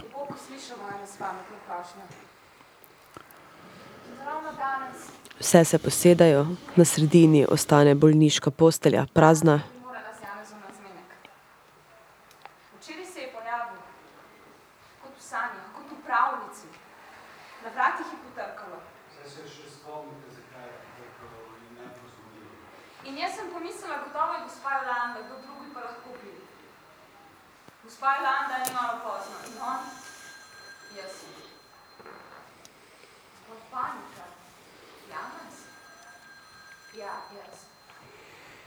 In jaz hitro vstanem, se popravim obleko, pa obrišem solze, pogledam se v ogledalo pred vrati in panika, panika, kaj pa ti tukaj? Ja, sem prišel, a mi odpreš? Ja, ja, seveda ti odprem in se še enkrat pogledam v ogledalo, popravim, kar se poprav da. Evo, mi odprem vrata. Živijo. Uh, kaj pa ti tukaj, mislim, a nisi, uh, oprosti, živijo. Ja, Vse ne bom ostal, moram iti, se veš, ampak uh, sem te moral videti. Ampak ne razumem. Uh, nisi odpotoval in zdaj danes poljubi mlado dekle, da utiša s poljubom, prav tako kot v kakem lepem filmu, Janez in mlado dekle se poljubljata. Jaz se odmaknem, prosti nisem te pričakovala, pila in kadila sem, ampak on ne reče nič. On me samo poljubi. Zdaj uh, razmišljam o nekem večjem opisovanju celotne scenografije uh, in imam vprašanje, gledamo iz strani publike, klasične strani publike ali je stran publike na tisti strani? To je odvisno To od je predstave. tribuna. Načeloma V tem je trenutku. tukaj, v, v tem trenutku je tukaj tribuna. Tu je tribuna, ja. Ja. Se pravi, tale tribuna je predelana, ne? V, v Mhm. sredini ima stopnice, po teh stopnicah sedaj seveda poteka ta rdeči tepih, ki gre čez Ja. celo dolžino odra, ne vem, sigurno, kar nekaj 15-20 Prostora vse do ogledala. Ja. Vse do ogledala. Tisti tam zgoraj, Potem na, teh, na zgornjem delu odra, kjer se začnejo stopnice, stopnice v sredini tega odra so stopnice, ampak na levi strani pa se nam začne že na odru v perspektivi tale zebra, prehod za pešce.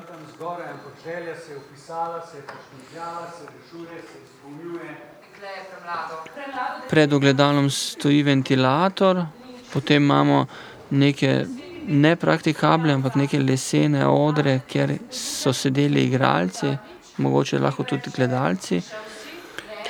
In potem pridemo počasi do te profesionalne, zdravniške, klinične postelje. ob kateri se zdaj dekle poljublja z Janezom, Angel pa odpelje posteljo. angel pa odpelje posteljo. je prišel in, in je stopil skozi vrata. Izginil je tisti glomozanski kavč, malo globlje v oder, bil je do pred nekaj trenutkov čisto pri režiserju, uh, zdaj so ga pa tudi tja odpeljali. In se smeje, in se smejem tudi jaz, in se smejemo šokom večjim od njega. Tisto gradbeno delo oziroma neka težava na cesti uh, z hula hopom in belordečim trakom pa je pospravljena, sestavljena v bistvu Samo še znak je v bistvu. samo še.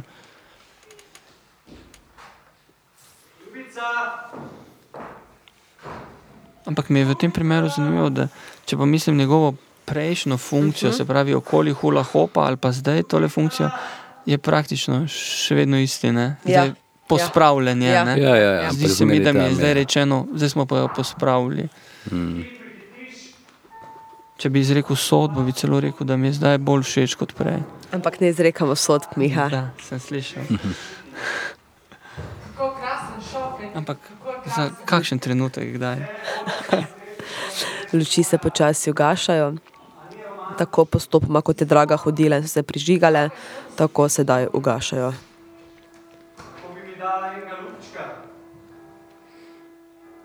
Režiser je vstal in zapustil svojo kabino.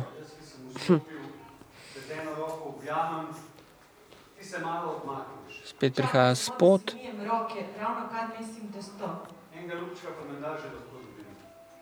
Spot je tokrat ali na Mirjani Medojevič ali pa na Borisu Kosu, oziroma na obeh.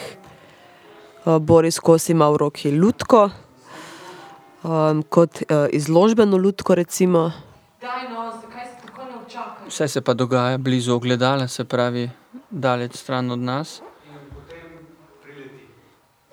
Kot je nekaj rekla, ona v, oba v spotu, v follow spotu, se pravi, luči, ki spremlja, okrogla, še vedno, brez filtra.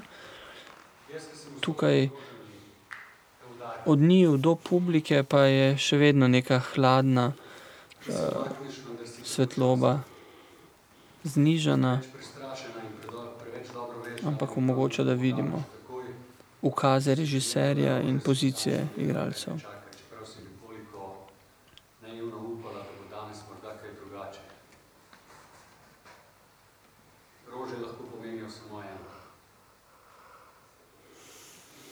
Letnico poroke. Dan žena. Materinski dan. Spot je sedaj izginil, um, oba sta v pol temi, ostali igralci pa sedijo na stopničkah okoli dvorane. niso zares med publiko. Ampak kot bi bili del. Ne? Ja. Čeprav je ločnica očitna. Ne? Ja. Um, ampak spet gre verjetno za nek znak.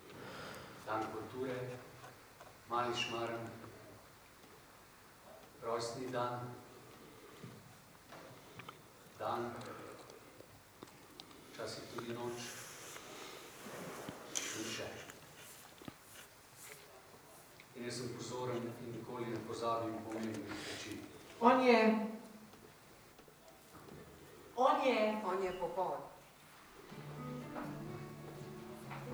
Tukaj je konc uh, tretjega dela. Z nami ste že šest ur. In eh, eni mogoče to cajt sploh še niste bili v teatru, eni pa ste gledali že daljše predstave. No, imamo še dva dela. Uh, zdaj pauza in uh, se dobimo spet predstaviti gor čez 15 minut. Hvala. Spet se začenja pauza, verjetno se bomo preselili v zgornjo dvorano.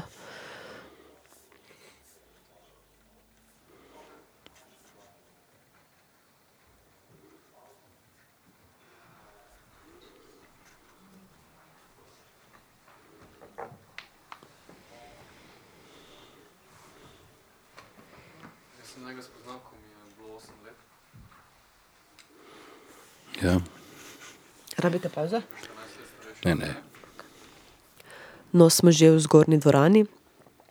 Um, vidimo Staneta Tomazina, oblečenega v odrskega delavca ena. Še vedno ima ta rjav uh, ibercuk in um, črno kapo. Na desni strani pa nekdo eh, kot truplo leži na parah. Tako očitno smo na pogrebu. Um, Stane tudi govori v pretekliku, kako je nekoga poznal. Šel k njemu, se usedel in sva se začela pogovarjati. In sva postala najboljša prijatelja.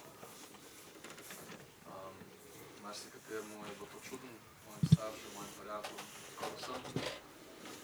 Ampak nekako so sprejeli čez čas, ko so mogli, ker pač jaz nisem od njega.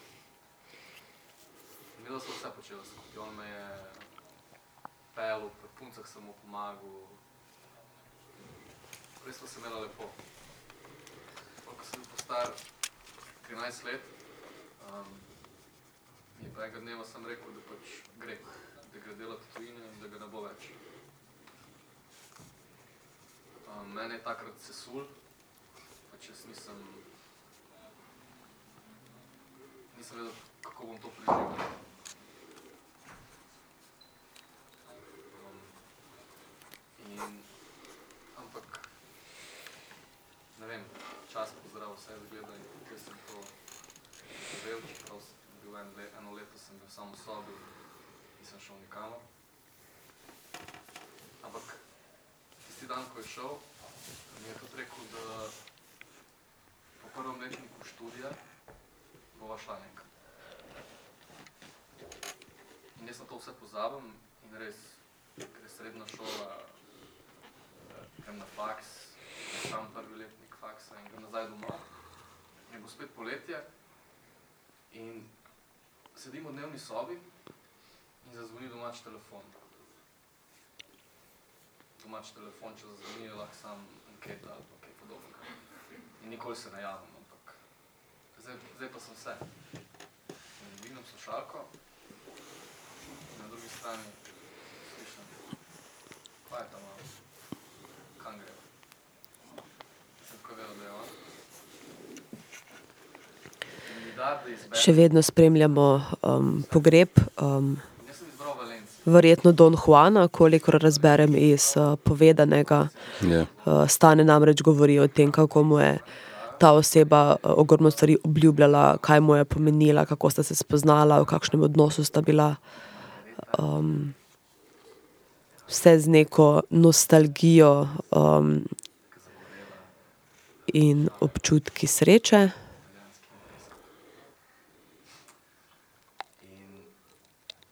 Sva, s- uh, ampak takrat, ko so bila skupaj, nisva nič imela, ampak to to, ta, ta kemija je bila zelo močna. No. In Sem se zmenil in rezerviram karte.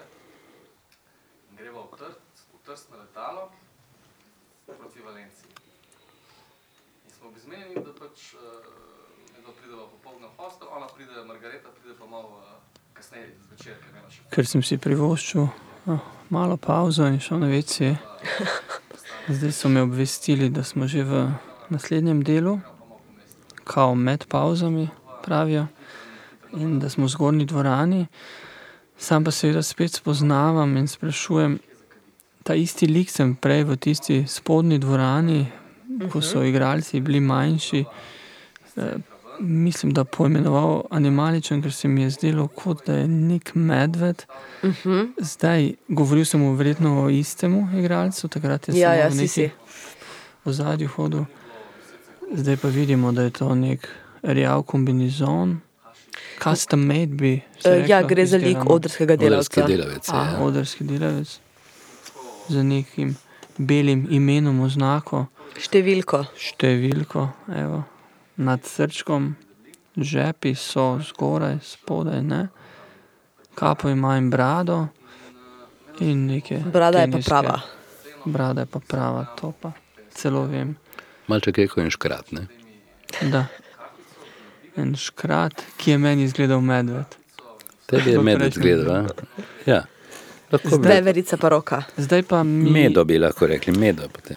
zdaj pa mi, naprimer, ko sta mi dala informacijo, da je delo, odrski delavec, pač po kostumu mm, ne vidim odrskega delavca. Ampak to zdaj spet ni sodba, ali je. Mhm. Je, ne. Tako so ga postavili kot takega. Ne? Mala. Ma, rahla, rahla, rahla. Sodbica. Ampak, ampak govorimo o nekih asociacijah, ki. Spravi, vidva sta mi res dala to informacijo, da je odrski delavec. Se pravi, Ker je že prej bil pa- izpostavljen kot tak v Da, celi da, da, da. predstavi. ne. Da, da, da, jasno. Za njim je temna uh, zavesa, prostor deluje zelo majhen, uh, stoji pa pred enim bež, leseno, usnjenim stolom, da, ki mi daje nek občutek tistega, uh, ne bi rekel kiča, ampak nekega medeninasto, kamnito, leseno usnjene zgodbe 80-ih. Mhm. Ki bi še sam Če- do, dodali bavalit, pa smo O stolu govoriš. Ja. Stol je plečnikov. Au, še to. Ja. Wow. Miha. Miha. A res je, to je plečnikov stol. Ja. Novo izdelan plečnikov stol. A to je model plečnikov? Ja. Aha. Se pravi, Miha in Marko sta se spet nekaj naučila. Ja, brez nike tu ne greva skozi. Prosim? Brez nike ne greva skozi tu. Ne. In brez učenja ne gre skozi. Ne? Brez učenja. Poleg tega danes ni več toliko prehlajena, nekaj imaš več energije in lahko nas povozi. Tako. Da. Za stolom Se pa je treba seveda vedeti, da se za stolom se iza zavese vidi en del bele stene in gasilni aparat v, Ja. za stolom. Ampak, naprimer, zdaj vprašanje, je tale stol že igral v predstavi prej? Uh, ja, ta stol v marsikateri predstavi v mladincu igra, uh, Aha. ker pač so tam um, Aha. in tudi v tej smo ga že videli, ker praktično kadarkoli se potrebuje stol, se pojavijo ti. Aha, se ja. pravi, ni neka zgodovinska referenca v predstavi. Misliš, tako da je ne vem, David Ne, ne, ne, Bowie? v predstavi po moje ne. Aha, mislim, meni je zdaj v bistvu Ja, ja, ja. nastala. Okay. Zelo izpostavljen, je, treba pa reči. ne. Ampak je To zelo, je. zelo dobro ohranjen. Mislim, jaz mislim, da ste, stapiciranje je zagotovo novo. Ja, ja. Bež. Hočem reči, da je zelo izpostavljen v tem prizoru. Ja, In ne vem, in- katera, ali je izpostavljen zato, da mi zdaj komentiramo ta stol, ali da gledamo nekaj drugega. Ne vem. To je zelo, uh, zelo zanimiva opaska, ja, na katero eh, ne bi znala čisto odgovoriti. Um, Ampak meni uh, iz mojega zdaj, osnove pridem do prostora, do likovnega kiparstva. Okay, čist v samem začetku filma, ampak nekaj največ treninga, izobraževanja sem dal skozi likovno zgodbo. Ja, jaz sem pri teh vprašanjih vedno. Meni je to pomembno. Jaz bi, na primer, režiserju postavil to vprašanje. Če... Si počakajmo, mogoče se še kaj zgodi. Absolutno. Mm.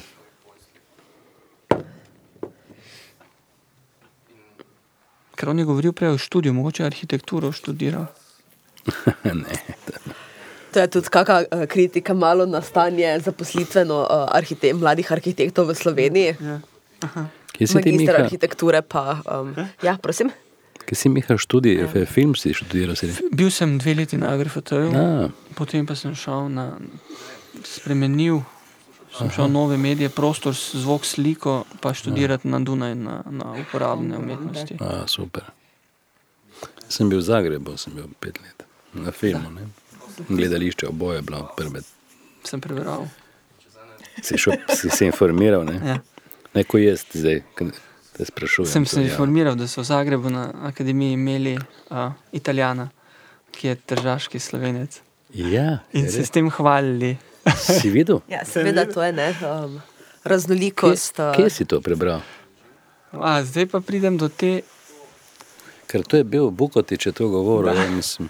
vidiš, zdaj pa pridem do tega, da kot uh, diplomant tudi filozofske fakultete ne vem točnega vira, ampak nekje. Ja, diplomant?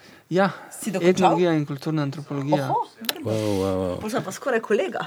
Ti pa si? Uh, diplomirana komparativistka. Okay. A, In ja. potem dramaturgo. Tako, tako. Potem pa nagrafo dramaturgijo. Okay. To je super. Kombinacija. Ne?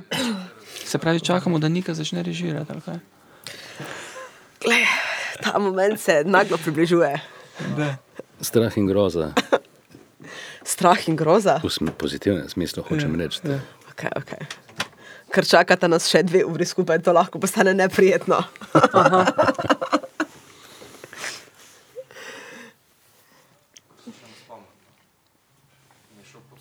Ampak eh, 49 teden slovenske drame nam je omogočil, da se že družimo več časa ob slovenskih tako da Ob Se slovenski te drami. ne bojim, se te ne bojim. Mislim na tvoje mesto.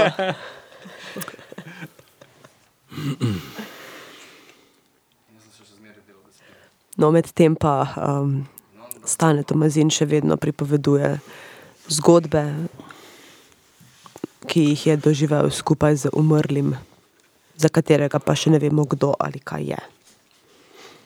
Toliko govorimo, da mogoče je že povedal. Da, pardon.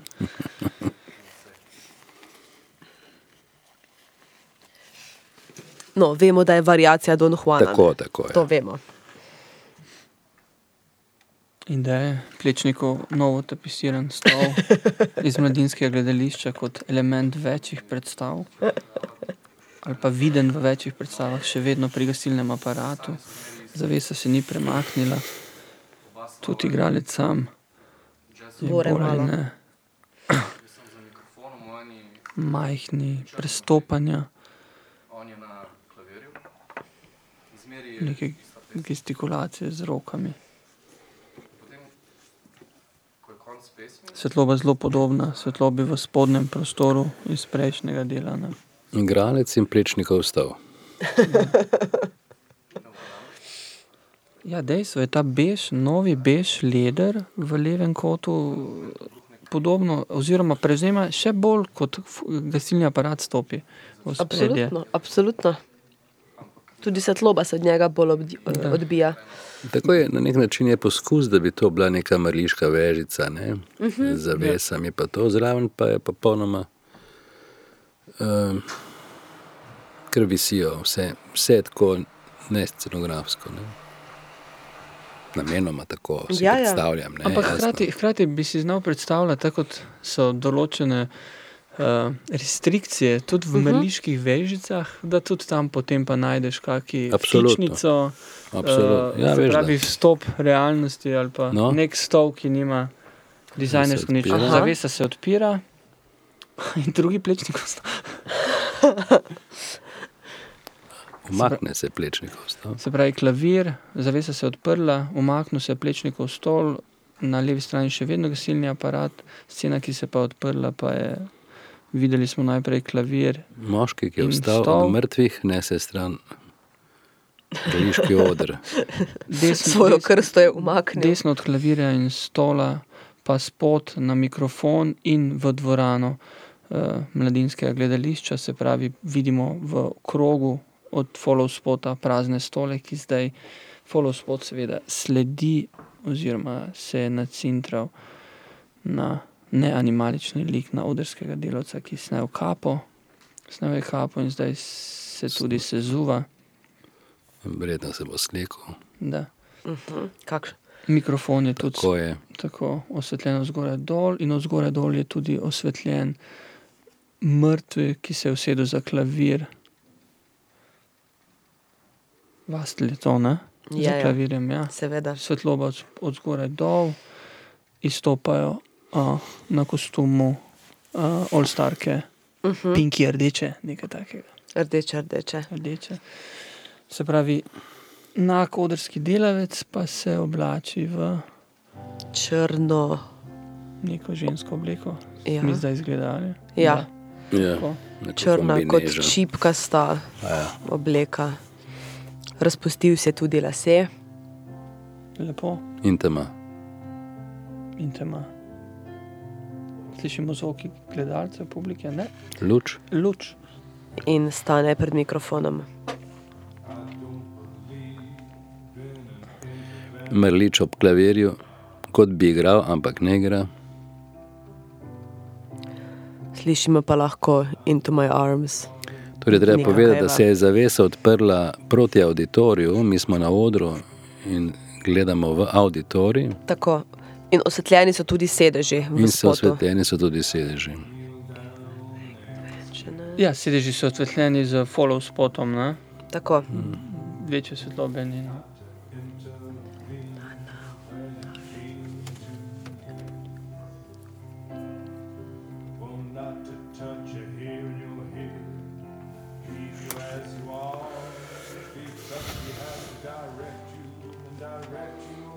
To to, no. Se pravi, glasbeno smo z komadom skočili v 90. 97 Nick Cave Into My Arms. Prvi, prvi singl Nick Cave and the Bad Seeds Aha.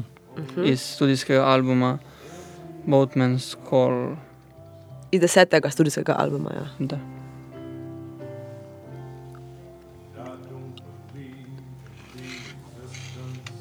On poje, ne. Ne, uh, uh, uh, vsak sedi pri miru, oziroma stoji samo, tam pred ja, ja, ja. inštrumenti. Tako. Sedita, oziroma stojita pa popolnoma nepremično. Da, stojično.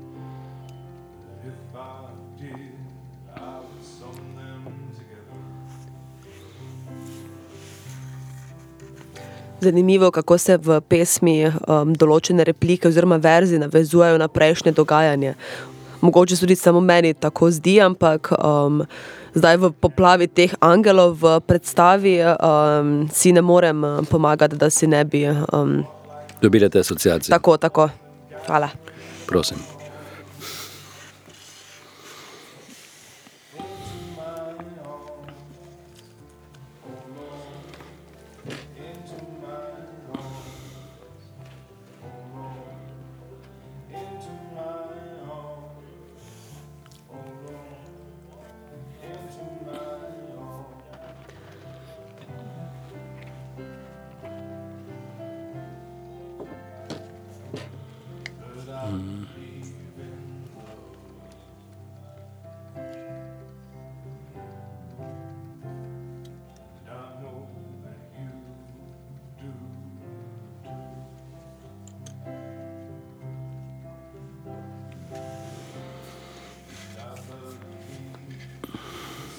Pravi, v mladinskem gledališču v Ljubljani gledamo v publiko, v prazne stole publike, mikrofon in spotlight na ti- odrskega delavca, preoblečena v žensko, s spuščenimi njegovimi lasmi in brado, levo, oziroma na njegovi desni klavir, stol in mrtvec, ki ne igra, oba ne pojeta, ne igrasta. Želel sem pa povedati to, da Ljubljana je neko mesto Nikeva. Vedno ja. Sem imel ta občutek, ko sem se preselil v Ljubljano iz Maribora, mi je, ja, je prišel Nick Cave ki pa meni pač zdaj spet so. ampak, ampak mi je zanimivo, se mi zdi Ljubljana zelo uh Mhm. -huh. kevovsko mesto, ne? v Križankah in vsem, kaj je on, kolikrat Ja, ja. je bil. Ja. Ne. Se pravi, če gledamo v prazen teater, ki je pomemben za mesto, poslušamo tudi neko komat, ki je, ali pa avtorja, ki je, mislim, prisoten v Ljubljani. Mhm.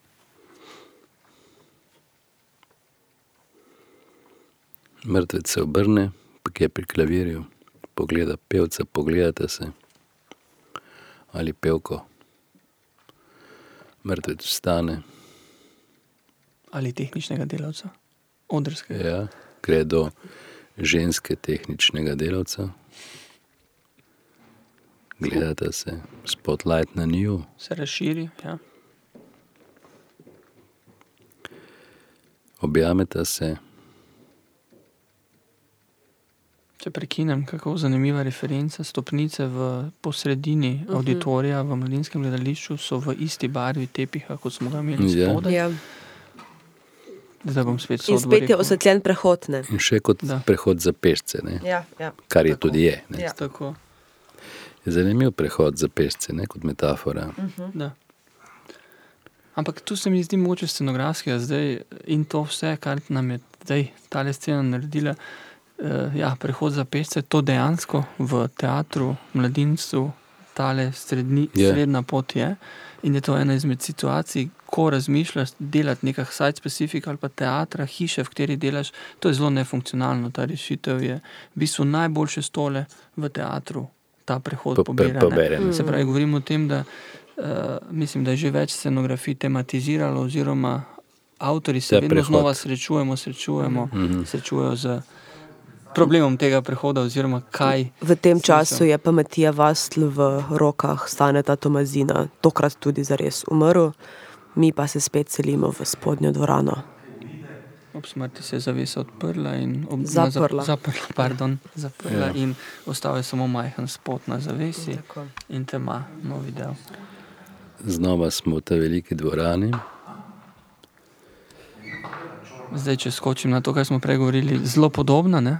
Ja. Eh, Prehod in rdeča, rdeč tepih, kot v prehodu zgornji dvorani. Na sredini je uh, velika črna miza, okoli nje so stolje, pardon. Uh, in gledalci ter igralci so pomešani in sedijo um, spet na istih stopničkah, kot že na začetku prejšnjega dela. Um, na drugi strani odra, torej ne več pri ogledalu, ampak pri vhodu v dvorano, pa na uh, usnjenem fotelju vidimo Nedo Rabric. Se pravi, od, Ki je kar odšla. da, odšla, od mojega vstopa v predstavo smo zdaj zamenjali kot. Ne, ne Ja, gledamo popolnoma. proti ogledalu, ampak Nasprotna, gledamo. nasprotna vizura je. Da. Ker smo prej opisovali začetek tepiha stopnice in začetek uh Mhm. -huh. prehoda za pešce, ki v perspektivi se manjša Ja. proti ogledalu. Ja, ja, ja. Ne da Bric po turško sedi na fotelju. Kot je Nika povedala, na levi strani od prehoda uh, za pešce je velika miza, sestavljena iz večjih delov, kar se mize tiče. Ni plečnikovih stolov, ampak mislim, da so stoli in miza nek kompletek, uh, modernejši kompletek. Pisarniški Da, lik. pisarniški, pisarniški, neka pisarniška sejna soba delovna. Pa kako je miza, ne? koliko miz smo mi videli v treh predstavah. Ne? Miza je, dobro, Korun je imel recimo mizo kot element uh Mhm. -huh. scenski, stol in mizo, ne? non-stop ne? v svojih predstavah. Kot. Ampak je vse je zanimiv objekt. Ne? Ja. Miza je genijalen objekt, pravzaprav. Ne? Je življenjsko genijalen objekt in gledališko tudi zna biti Da. vznemirljiv prostor sobivanja, bivanja ali pa samevanja. Ali Mhm. pa sama miza je genialna. Ne? Če vzameš Tako. eno mizo prazno in en par čevljev, si je genialno. Ne? Ja. Nimaš kaj sploh predstav delati. je, ne. Ja. Ja, ja izredno, izredno tudi v realnem življenju. Ja, ja. Je miza izredno funkcionalna, tako kot stol. Tako. No, Neda zdaj pripoveduje eno svojo izkušnjo dejansko zlorabe. Ne? Ja, je pa eh, spet treba podariti, da ne vemo, ali gre v resnici za njeno izkušnjo. Ja. Eh, Vse, iz, um, vse pripovedi so resnične, ampak ne vemo pa, ali od gled- Mislim, igralca, se- ki jo pripoveduje, in ne smemo, oziroma zaželjeno je, da ne vpraš, tega Seveda. sprašujemo in se s tem ne ukvarjamo. Seveda, se Kot so tudi nisem. povedali ne. na začetku predstave. Sem bil uh, zelo na tem, da bi vprašal. Nisem storil tega. Ja. Zdaj mislim, da sedi na istem črnem kavču, ki ti je bil prej uh, od Ja. spodaj, pod odrom. In da, kljub, kljub kameri kotu, imam občutek, da je malo megle v zraku, hejza, nekega. Se mi zdi, da se nekaj spremenja, premika. Nad njo pa, eh, kaj je tale meh, mehiška, tale uh, situacija žarnic? Party lučke, ne vem. Ne, ne, ne, ne kaj. Grilanda. Grilanda je to, ja. To je Grilanda, se pravi Grilanda. Grilanda. Ne več barna, nekaj takega. Lahko posurfamo takoj. Je nad To njo so- prižganih. To so lučke za, ponovadi za fešto, ne? Da, da. Ja. Grilanda se reče. Tako. Uh, ne vem, če se tudi tem lučkam, ampak grilanda je ta dolga, um, Okej. ki jo se da početi na smrekcu. Ta, ne. A, ok, ok. Ja. Hmm. Zdaj pa ne vem, če se uporablja ta izraz tudi tukaj za te lučke. No. Imam kar nekaj izrazov za preveriti. Kljupica, Grilanda, kaj smo imeli še prej? Še nekaj je bilo. Flek. Ne, A, a flek je tudi dobro. Klu, klupica, klupica, mislim, odkot klupica. Kljupica je bila včeraj, ampak Ja, ja, vem, danes ja. je že ena nastala. Danes je ena Danes nastala, pa je Marko isto. Ja, ne spomnim se.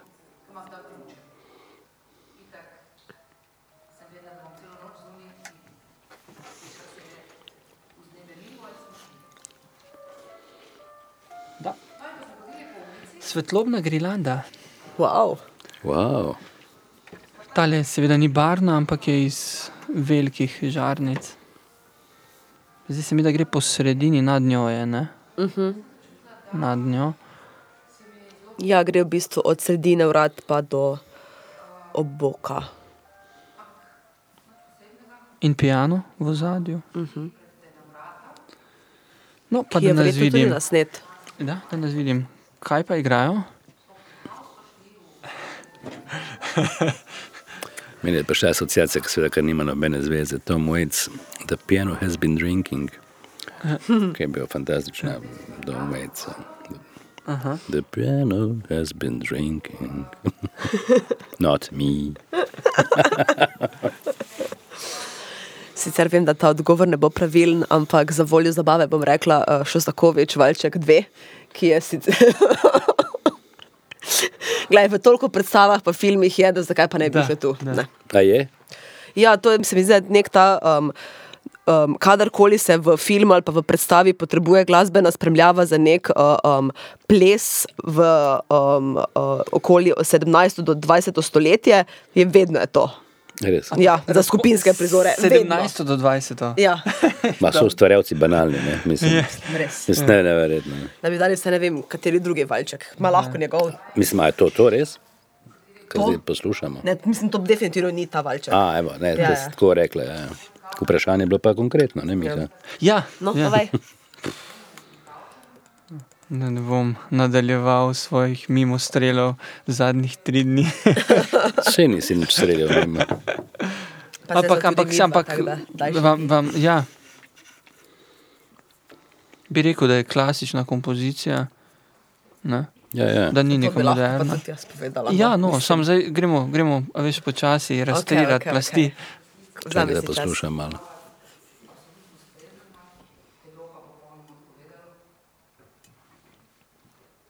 Nisem klarinet, sem igral glasbeni, klavirja pa. Jaz sem igrala klavir.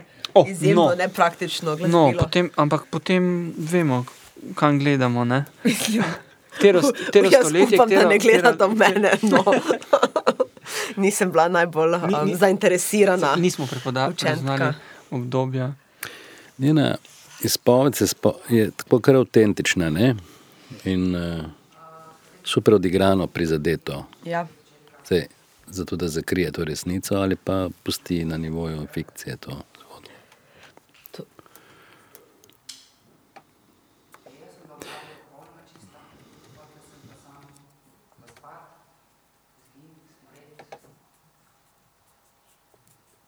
Ampak v resnici se nisem mogla niti upirati, ker nisem mogla premakniti njegovega nosa.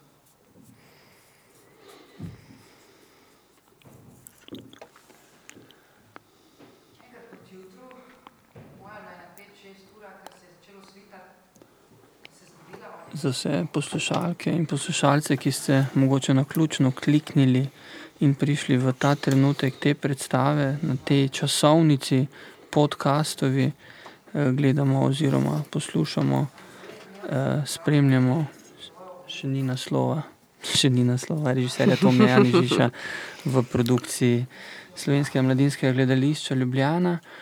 In vse skupaj je del, če ste še tako naključni tukaj z nami, del eh, epizod Abonmaja. Eh, zdaj smo v tekmovalnem programu 49. tedna slovenske drame.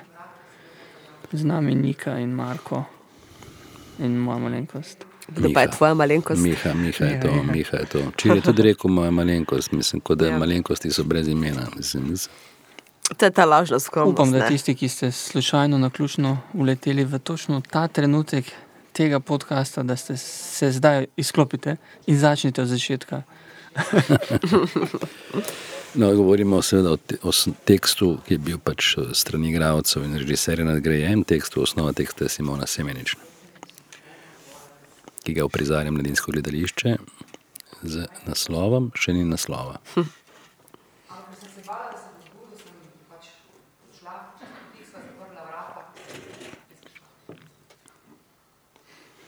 Bilo so zelo zgodaj zjutraj, jaz nisem mogla iti Se mi zdi fina slika, kar je seveda sodba, ampak ti njeni beli čevlji, ki jih je pustila na tekači, zdravnišnični, ob tem črnem enosedu in ona, ki po turško sedi. Kakor da si odrezali noge. Ne? Ja, Da. ja. Kar so tudi v tej pripovedi. Ne? Metaforično, seveda.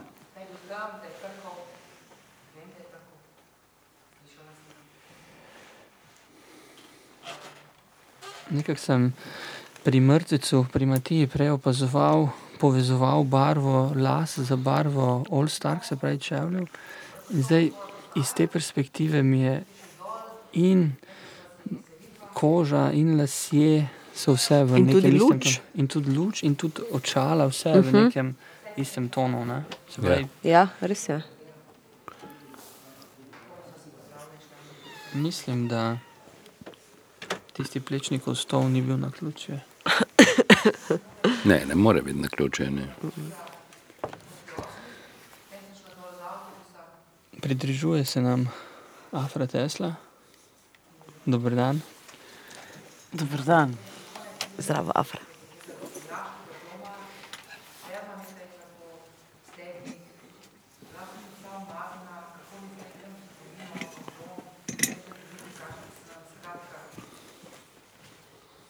Nekaj sem to speljala in šla, zatarno sem se barvu, šla sem v sobo in skratka, vse je bilo ok. Sem šla v sobo, kjer so bilo deset uh, jani, vse so že šle v šolo, ali pa ne, ne, ne. Ta zagledala sem se zmenila in rekla, Govori pa v svojem domačem dialektu, ali? Ja. Že vse čas? Ne, intonacija je, mislim, To. barvana je po, po, po, svo, po goriško. Ne?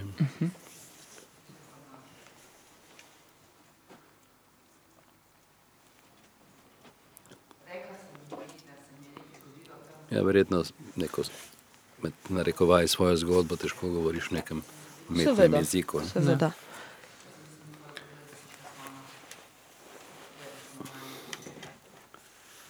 In sem jo prosila, če nekomu več ne ve in naj na to pozabi, ona je šla v šolo, jaz sem šla pod tuš.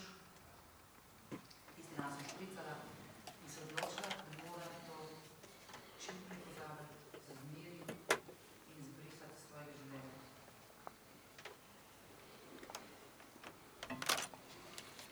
Ampak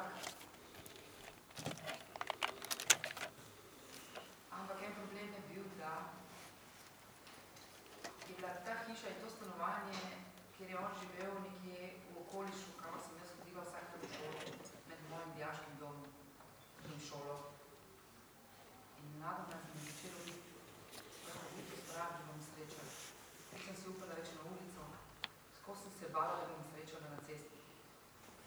Ker sem vedela, da če ga srečam, enostavno, da ne bom mogla nič. Da me bo lahko prijel in peljal nazaj, da ne kar težko.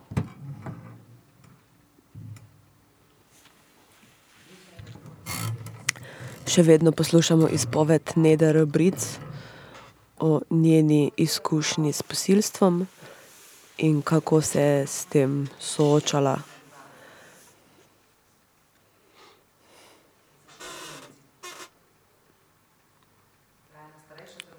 Količina straha je bila seveda uh, s- ogromna in konstantna. Ne, k sreči nisem bila noseča, ampak da imam eno hudo spolno bolezen, gonorejo. Govori tudi o spremembah uh, na telesu. Da sem stara 15 let. In je rekla, da kako sem lahko spolno aktivna in to tako, da se si predelam spolno bolezen. Nekako sem pomnik zdavila, da sem bila posiljena. In potem me je še enkrat nadrla, da kaj si predstavljam, da tega nisem prijavila. Sem mislila, da je to prijavila. Bi morala nekomu to govoriti. Policiji ali kaj, na sodišču. Moja mama bi mi morala Zanimivo je, kako v tej uprizoritvi, oziroma specifično v tem monologu, istočasno um, skozi neko osebno izpoved um, poslušamo lahko tudi um, kritiko sistema oziroma um, pozicije žrtve um, znotraj tega in ob, um, kakšne obravnave so deležne. Seveda ni um, kritika namenska oziroma uh, ni v prvem planu, ampak um, je pa, um, kaže pa, kako globoko imamo neke vzorce zakoreninjene v družbi. Um,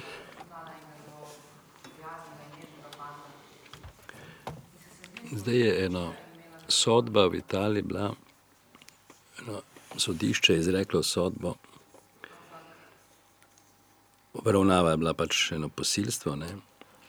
So rekli, da posilstvo ni bilo mo možno, ni bilo mogoče v tistem primeru, ker ženska je bila grda. Katastrofa, mislim. Kaj takega? Mislim, katastrofa. Vse to je po- podobno temu koperskemu primeru, ne? Um, zdaj izpred uh, meseca pa pol. Nekako tako, ko je tudi um, ženska je bila posiljena in so potem moškega oprostili, zato ker je ona spala. Um, potem, ko se je pa zbudila, pa je rekla ne, pa je bil on že tik pred orgazmom, pa je bilo pač bi bilo škoda. Kaj ne vem. Ma, ma. Ja. Ma. Se ni rekla ne, ne. Grozljivo. Ja, ja. Vrača se, kla, vrača se klavir. Nika brska po spominu, odkot in katera kompozicija. Nika ne brska po spominu, to je ker njen spomin prav gotovo ne seže tako daleč. Af, afra, zdaj. Ja, to ni sprehod skozi park, ne? to je šuman, verjetno ne. Da? Kaj Ko skozi zamešam, šuman ali šubert. Mm. Mm.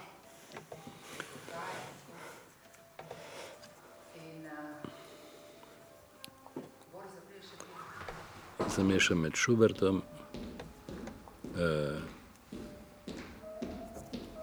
kjer je drugi smo rekli, Šubert. Schumann. Šuman in Šumijem.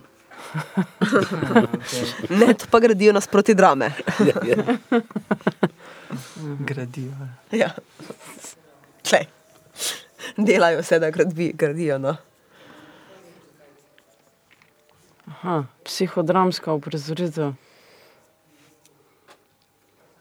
Afra, mogoče bi lahko ti um, povedala kaj o svoji izkušnji s psihodramo, ker mislim, da si edina, ki jo Ja. imaš. Ja, jaz sem v bistvu en tak, rečemo, zunani sodelavec, uh, praktikantke, gospoda supervizorja.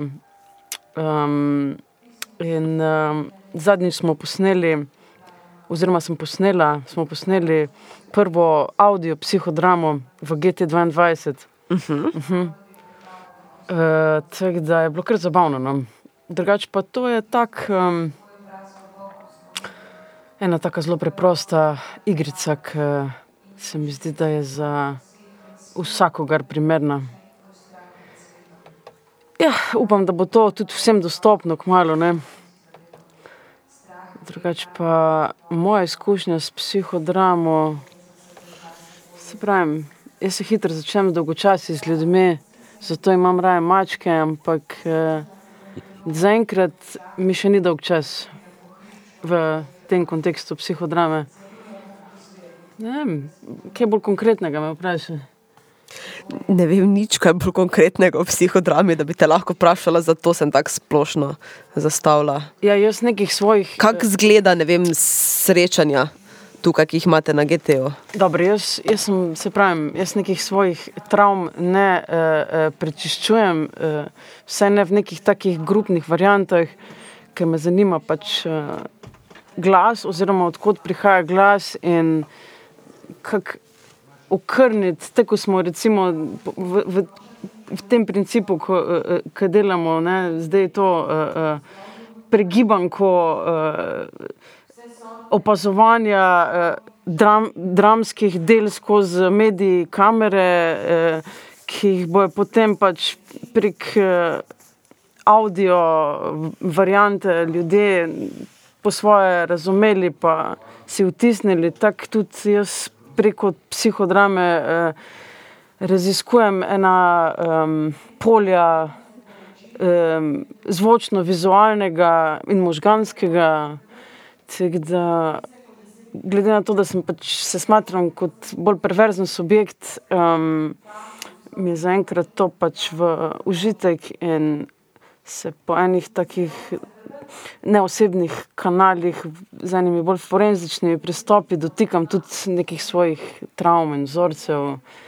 Um, ja, zabavna je psihodrama, predvsem. Pa tudi naporno, ne spoh zadnjič, ko smo imeli eno varianto skupinsko in so bili tudi hardcore primeri, verjetno tudi tukaj vidimo zdaj. V, v, kaj je bila ta igralka prejšnja, gospa. Uh, posiljena je bila. A, posiljena je bila. Ja. No, mislim, neki zelo podoben primer smo imeli zadnjič na psihodrami, smrti, levo, desno, gor dol. Tako da um, sem se kar uh, mogla fejst samo vladovati, da nisem zajokala. Mm. Priporočam vsakomor me odrešujoča, pa ta psihodrama na nek način. Ja, odpira neke kanale. Od, ja, verjetno. Očiščenja ali ne. Odpira, odpira. Ja. Zdaj pa, predvsem um, je to en tak trik, kako z eno repeticijo sebe ozavestiti v nekih teh kontekstih. Um, Um, ja, pač vsi imamo ene vsebine, ki jih skrivamo pred sabo. V ekstremnih kontekstih. Tudi, ja. Lahko so zelo banalne in že to, da si v, v, konfrontiran sam s sabo pred ljudmi, je kar zajebano. Mislim, vsaj meni bi bilo. Ne.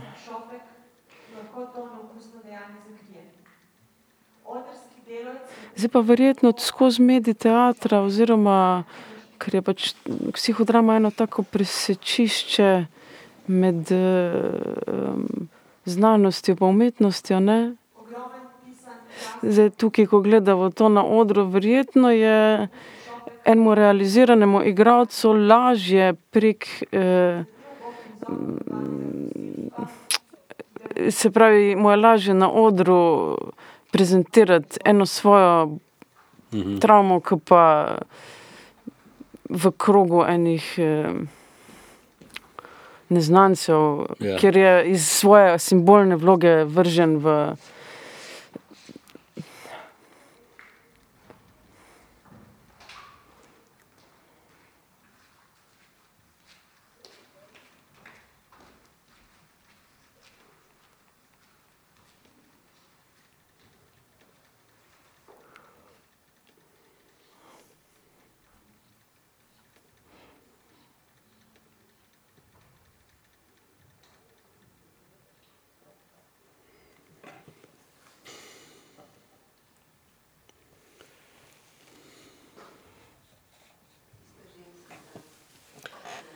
Neda Brit se je sedaj premaknila iz fotelja na, za mizo na sredini odra, z njo sedi tudi Matej Recer. Na vrhu stopnic z, s šopkom v roki igra, stoji Tane, Stane Tomazin, uh, dvorano sta pa zapustila Mirjana Medojevič in Boris Kos, ki uprizarjata brutalno posilstvo, ki ga pa gledalci ne vidimo. Zaenkrat. Se- ja, Mislim, ne bo, prikaz, ne bo uh, snemano to, ali ne Ni bo prikazano. uprizorjeno? Ni Ne, ne, ni uprizorjeno, ne. Aha, ok. Zdaj komentirajo to. Uh -huh, uh -huh. Mizi se je sedaj pridružila tudi Draga Potočnjak. Aha. Tisto telo tam, v katerega svoje opravičilo za kurec tlači moški, tisto sem jaz. Tožilec v smešni hali, odvetnik v smešni hali, sodnik v smešni hali. Odgovorite, prosim, ste torej rekli ne ali niste? Nič nisi rekla, ker nimaš več glasu. Počakaš, da mine. Rože sem ti tako ali tako že naprej prinesel, jutri ti bom kupil novo šaro in majico. Ali morda celo obleko. Je tako res kraljevsko prišlo?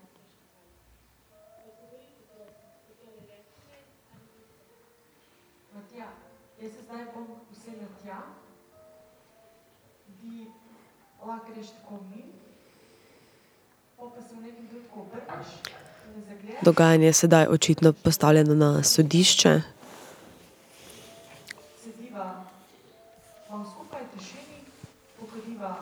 Pri psihodrami v bistvu gre za v neki ključni fazi za rekonstrukcijo dogodkov. Ne? Kaj bi bilo, če bi bilo, se pravi, ti popraviš en dogodek, ki ga ni možno popraviti. Umetno zgeneriraš neko situacijo, ki te pač zažira. Ne? Verjetno se bo to zgodilo tudi v tej predstavi.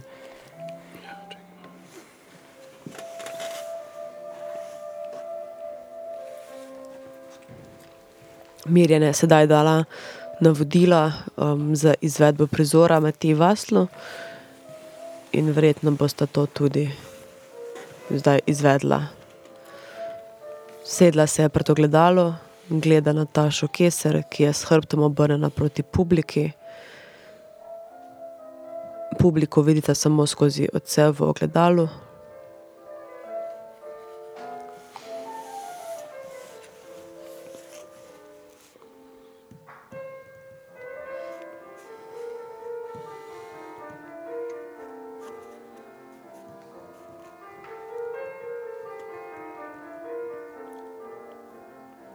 Stvar zgleda nekako Bergmanovska. Ja.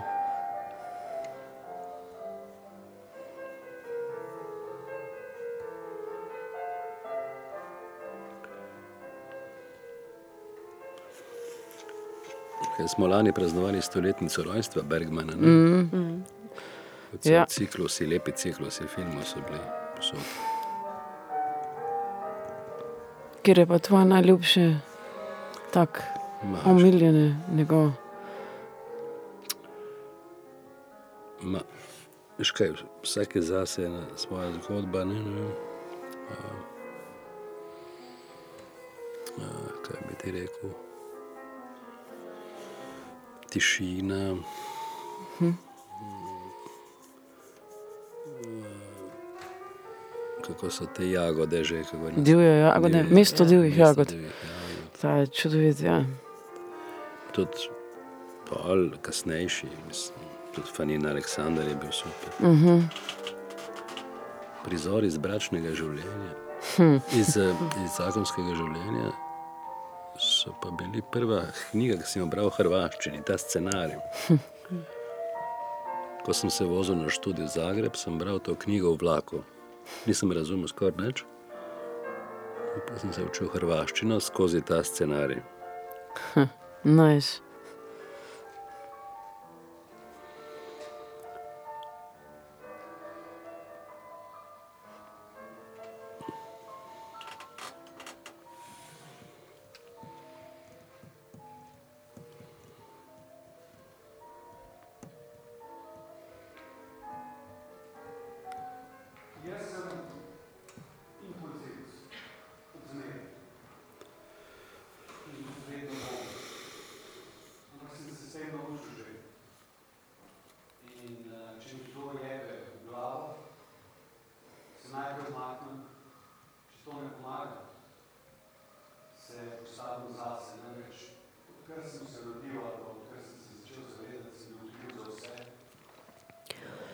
Sedaj lahko slišimo Borisa Kosa. Govori o tem, da je impulzivna oseba, kako se s tem naučim živeti in kako ga sprejemajo drugi. Draga potočnjak ga posluša pri strani.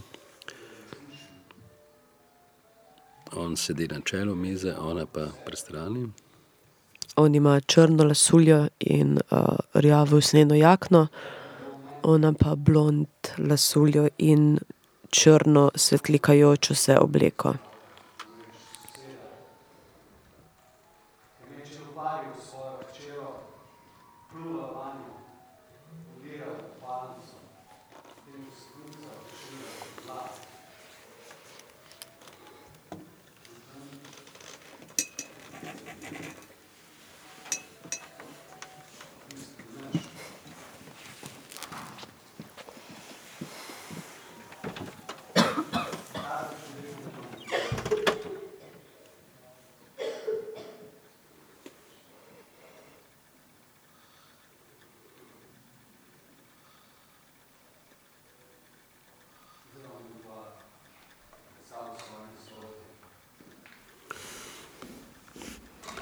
V prostor k mizi prihaja moški v beli srajci.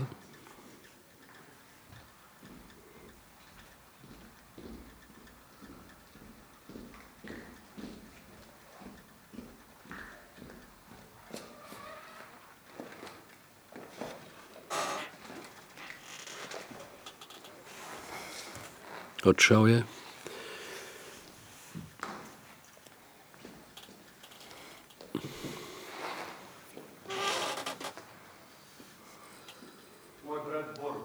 Vzel je paraplegični voziček, ki ga pelje, ki ga vleče gor po stopnicah.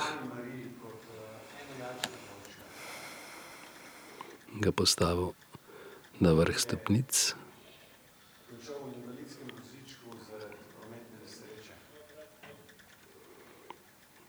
in začenja pripoved o svojem bratu Borutu.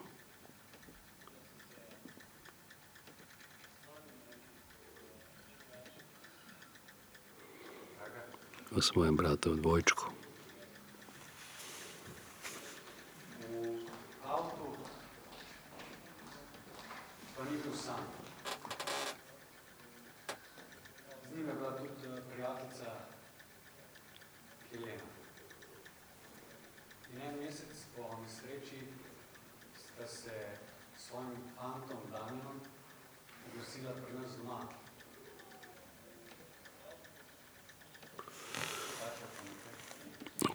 Režiser dal znak, dragi potočnjak, da pride do pripovedovalca. Zdaj stoji ob njem.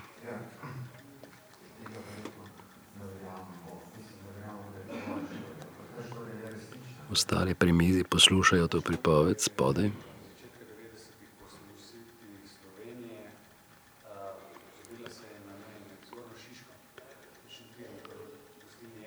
Druga dva igralca stopita na oder ob vozičku.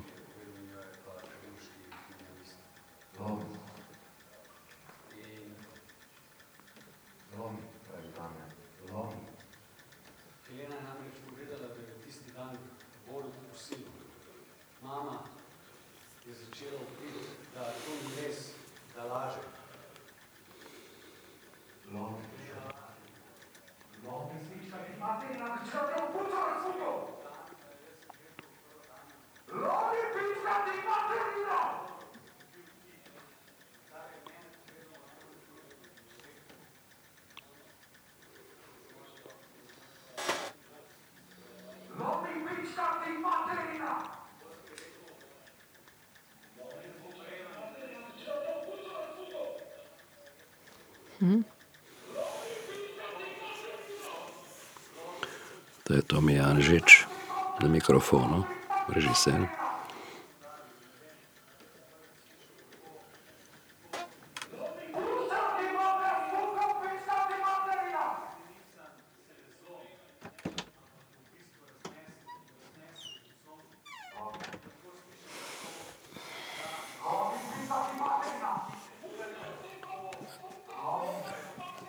Rekviziter, igralec prenese na en torzo, in ga postavi, ga postavi v invalidski voziček.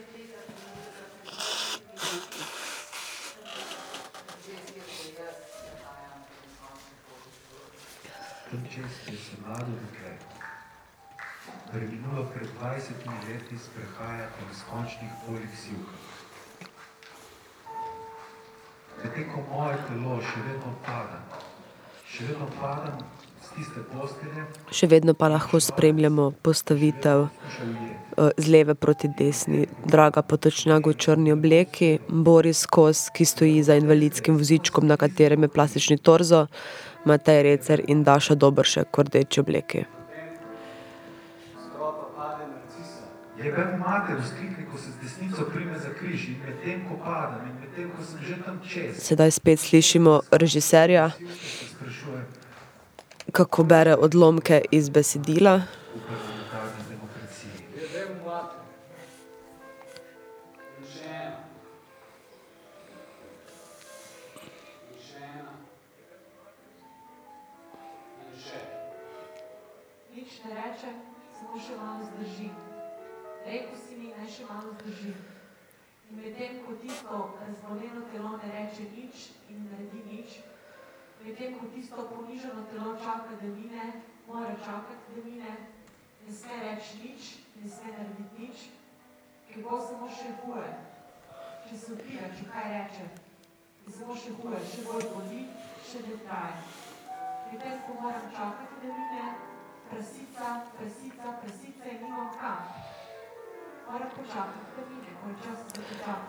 Igralci so sedaj skoraj vsi za to črno mizo na sredini spodnje dvorane.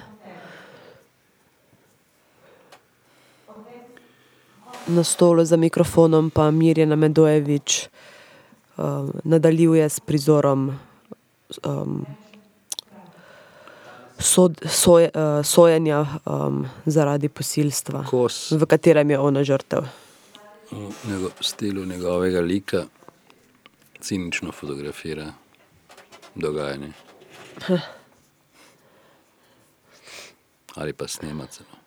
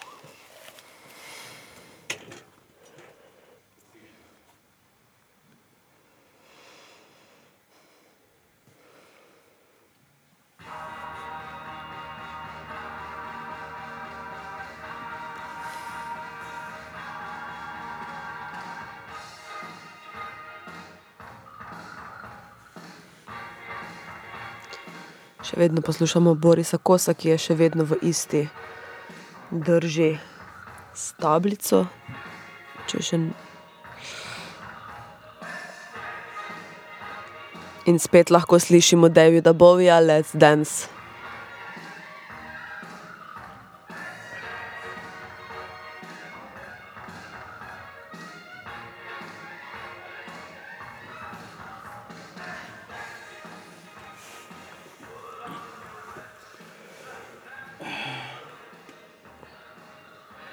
Igralci so vstali z mize in se razpršili po tribuni.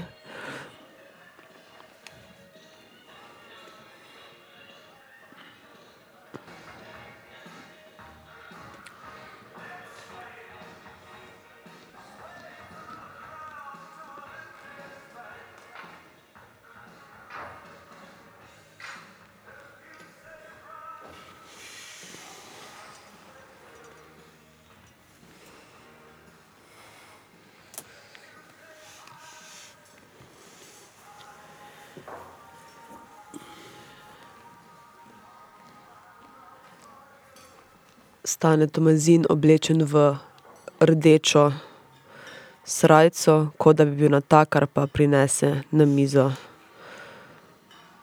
pribor in pogrinjke.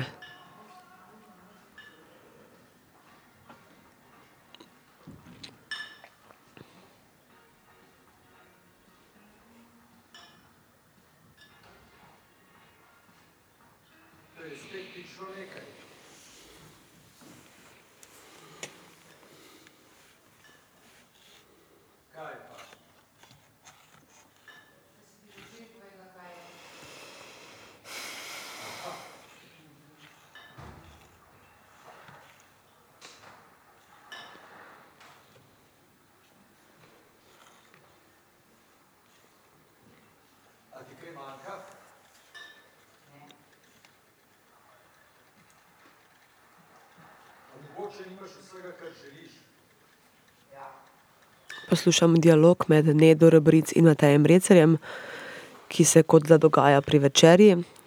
Trenutno jesta juho. Pri njiju doma. Da nima. ne? Mhm.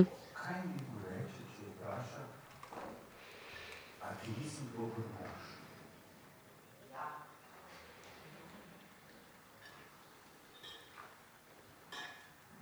A te nimam rad? Zdaj ona veste.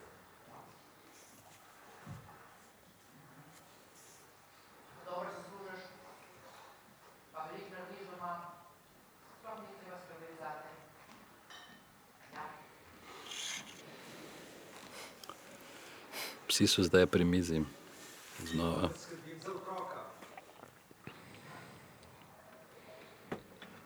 Stane je prinesel še vino, zdaj ga nataka v kozarce. A se ne družba? A ne seksava redno?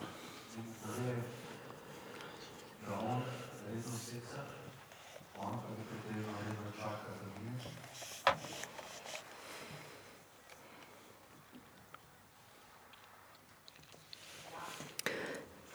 Njemu prav ni in ni jasno, kaj je v zakonu narobe, um, zakaj bi žena lahko bila nesrečna. Uh, skrbi za otroke, kuha, hodi v službo, ona je srečna, ukvarja se z njo, seksata.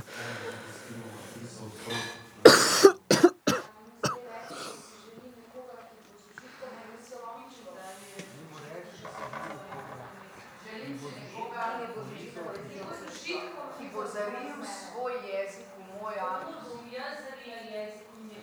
Nekoga, ki me bo pofukal, kar te zadnjo kurbo. In ki mi bo to tudi rekel, nekoga, ki me bo napisal tako, kot prvo kraljico v vesolju. Nekoga, ki bo glasen in nekoga, ki uživa v moji stvari, da bo videla zelo, da bo pričal telesa.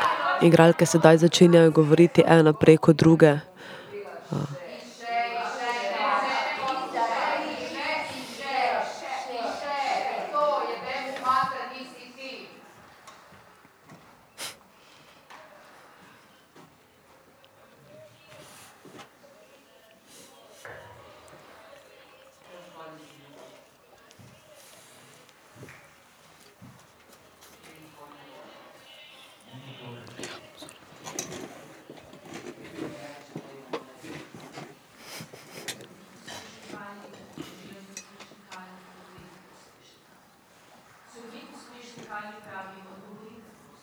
Ste torej rekli ne ali niste? Rečem ja. Ja. Rekel si, da si odgovoren, zanesljiv, urejen, ja. Je Daša v dragini obleki? Ne, je v podobni rdeči obleki. Uh, Draga je imela z uh, obleko na tanke naramnice z resicami, uh, Daša pa ima debelejše naramnice in um, plisirano. Tako, pa Paso je vse je drugače, v bistvu, no, tudi material. Skrojena, ja, skrojena um, tako, Ampak je pa barva v barvah tepiha, je pa barvah tepiha. Ja. Tako kot Ker srajca. to zveni za žensko obleko kar degradantno, ne? da je v barvah tepiha. Res je. Ko to slišiš, veš, da ni bil kompliment.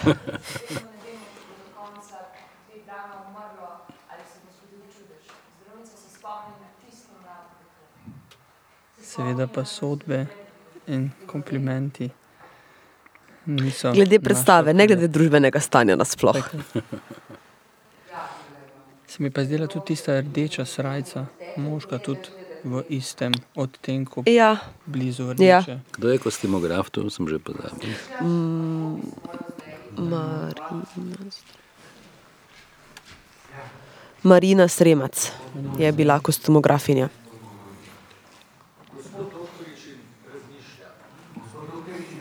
Scenograf pa seveda Branko Hojnik, o katerem smo že Ja. Veliko povedali.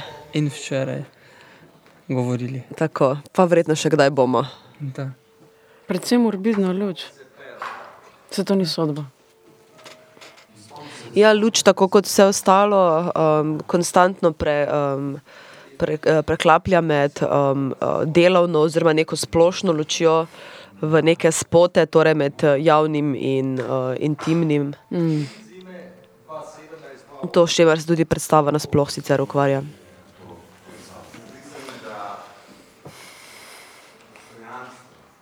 In svetloba zdaj tudi pada po delu publike, med katerimi so tudi igralci. Ne?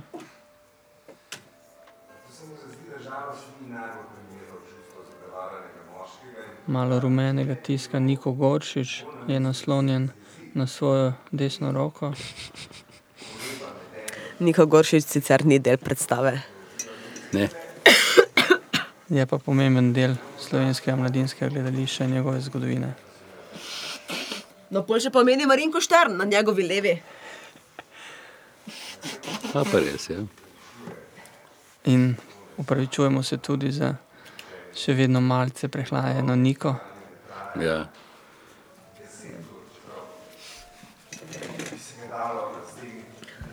Ki meče robčke na mizo. Ampak tudi na levi od. Marinke, tudi Lektorica predstave. Oziroma gledališča. Mateja. Ne? Uh -huh.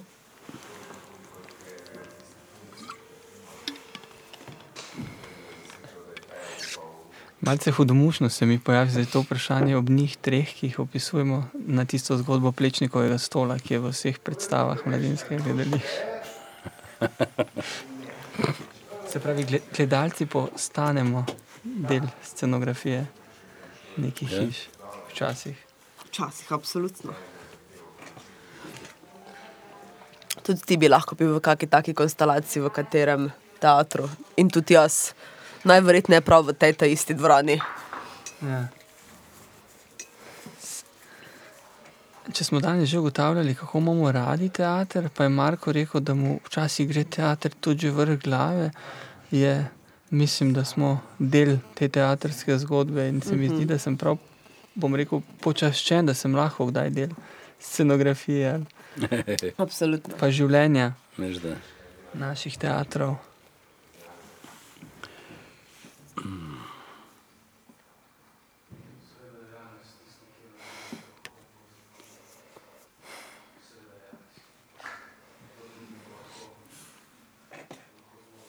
Čudež, Jolanta, prav zares čudež, ti Za mizo sta zdaj ostala samo Matej Recer in Matija Vastl, torej vdan mož in pa Janez, veliki zapeljivec.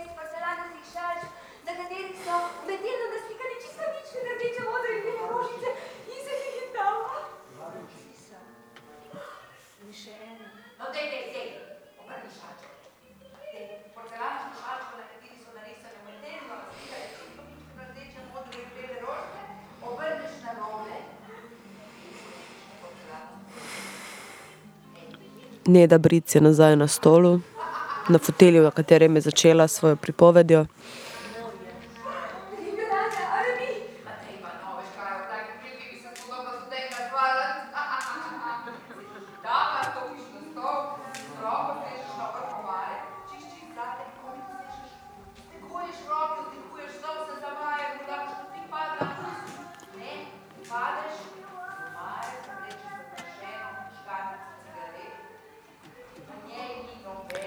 Spet slišimo mlade oči, Ditke Haberl.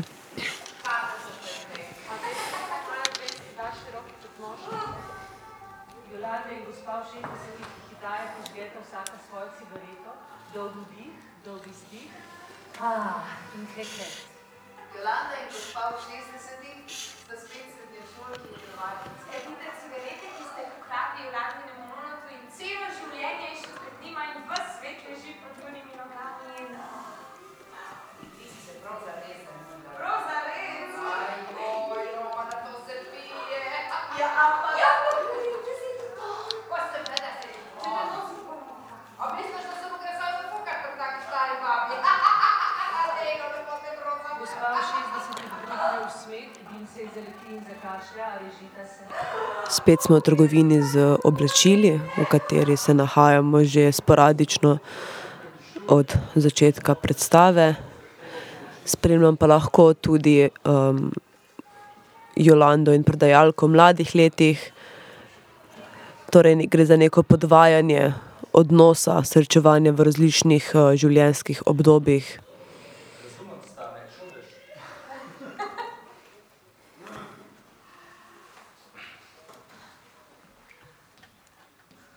Neno je imel najdaljšega tiča, kar sem jih videl v živo. 24 cm.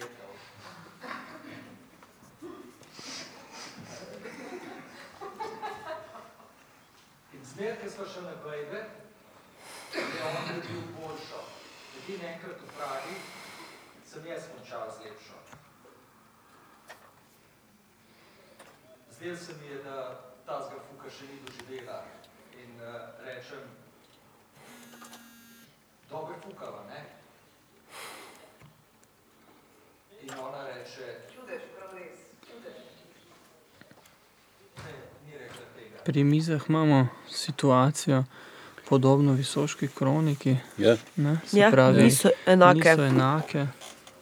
Nekako se delijo v dve tretjini, eno Mhm. tretjino siva in črna. Treba pa sem dodati, to, da Tom Janežič eh, eh, je podpisan pri tej predstavi tudi kot oblikovalec svetlobe, oziroma je on itak režiser, ja. režiser, ki včasih podpisuje tudi kakšno oblikovanje svetlobe v drugih predstavah, se pravi, je ob vsem, kar Ali pa dramaturgijo tudi. počenja, Da, Ja.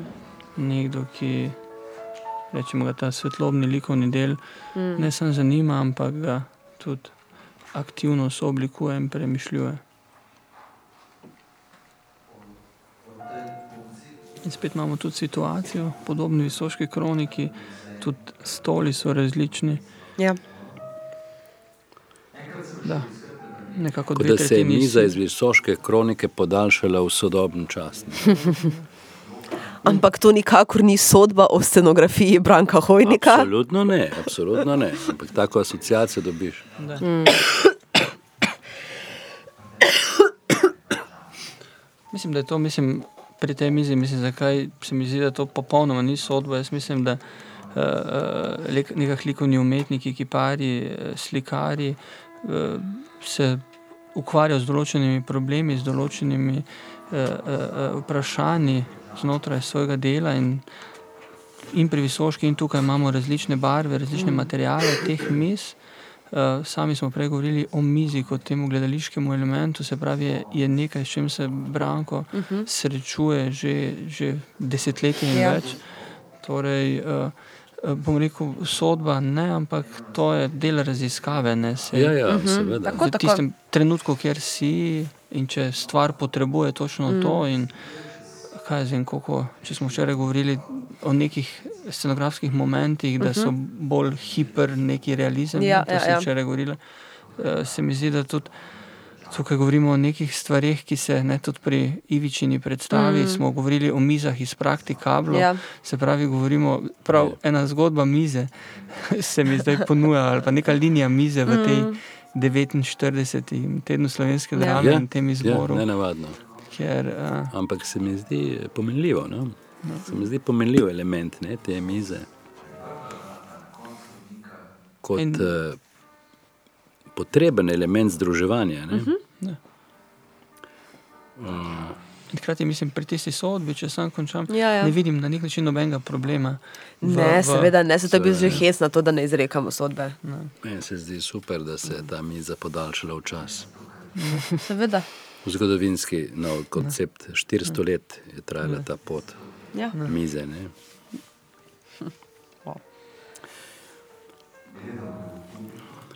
Smo kar pridni, ne? Mhm.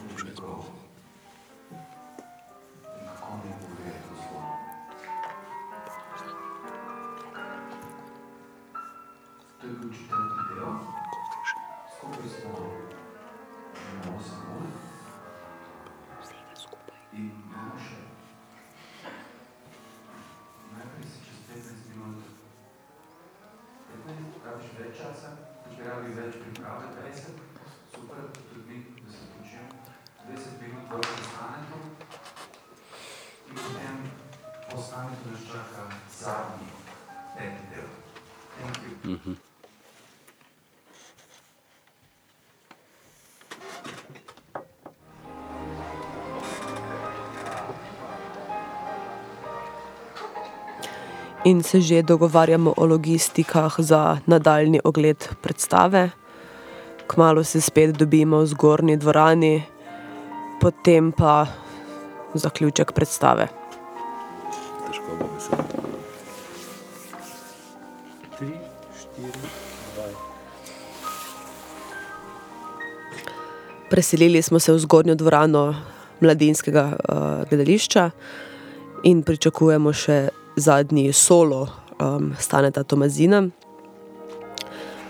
Uh, situacija je tokrat, uh, oziroma prostor je obrnjen, publika je obrnjena proti um, sedežem, proti tribuni.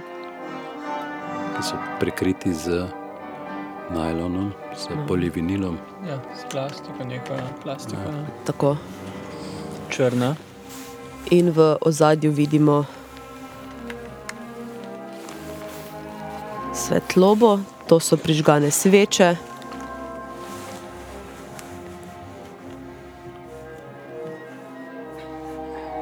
Se pravi, publika se nahaja za auditorijem.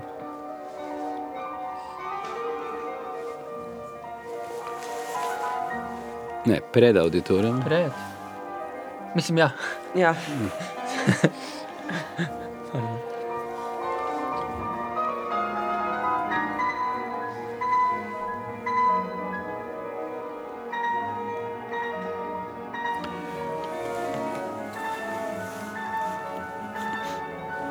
Zanimiva perspektiva, kako da gremo v neko, v neko globino, v neko, na dno nekega vodnjaka, duha človekovega. Ja, in uh, lahko vidimo tudi um, Staneta, ki se spet v kostumu odrskega delavca sede, zgleda kot da nekaj je, nekaj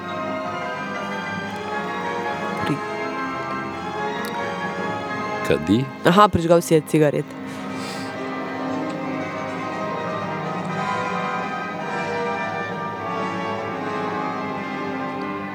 V zadju pa spet slišimo neko klasično glasbo, ki. To je Rahmaninov, jaz mislim. Aha, Mislim, okej. da je Rahman.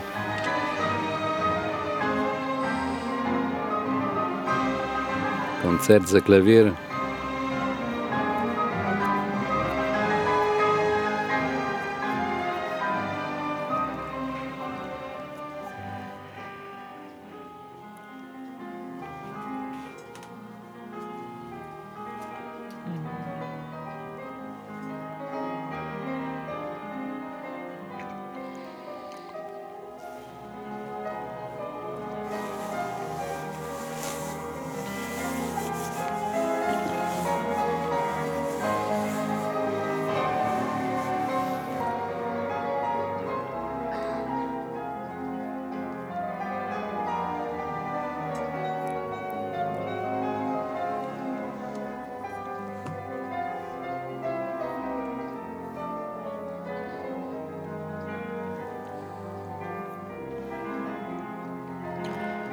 Stane si je slek, um, snel kapo, jo vrgel stran, razpustil lase.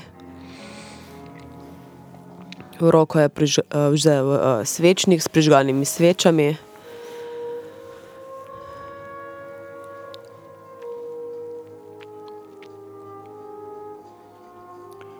Kakor da je prišel v teater, kamor ne hodi več nihče, že dolgo ne. Ja, vse zgleda zapuščeno. Kakor bi iskal sledi, človeške sledi.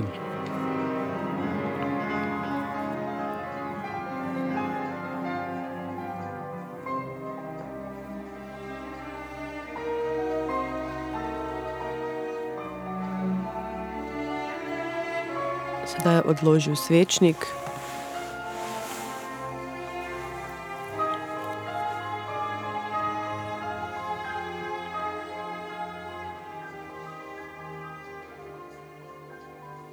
Mislim, da se je tudi slekel.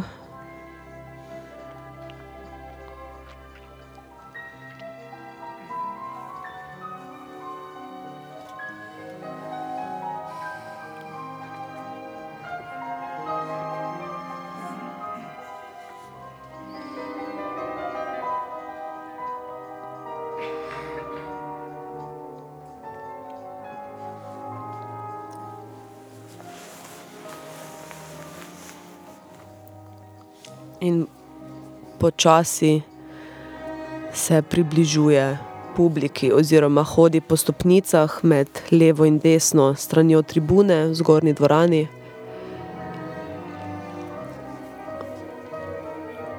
Vidimo samo njegovo silhueto.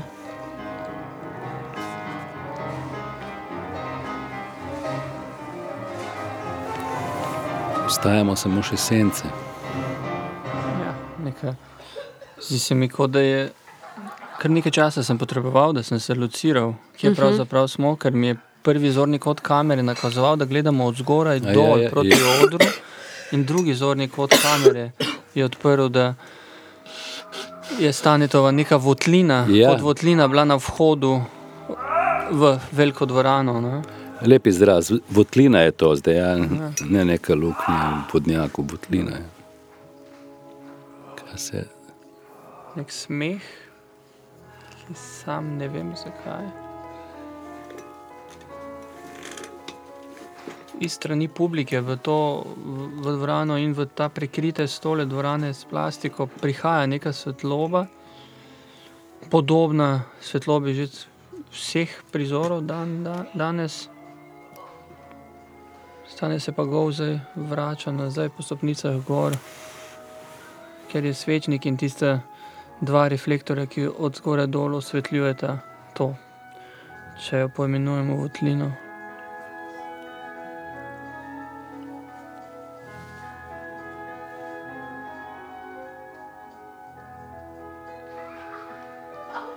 Glasba se je menjala, v votlini pa se mi na nek način spet zdi seveda jasno isti tepih teatra in tale rdeča. Ne? glasba zmeri ista? Ja, se pravi, da je. Aha. Stane v roki drži nekaj velikega, ni še čisto jasno, kaj to je. Publiki očitno je. Ali so odigrani smehi igralcev? Močno dvomim.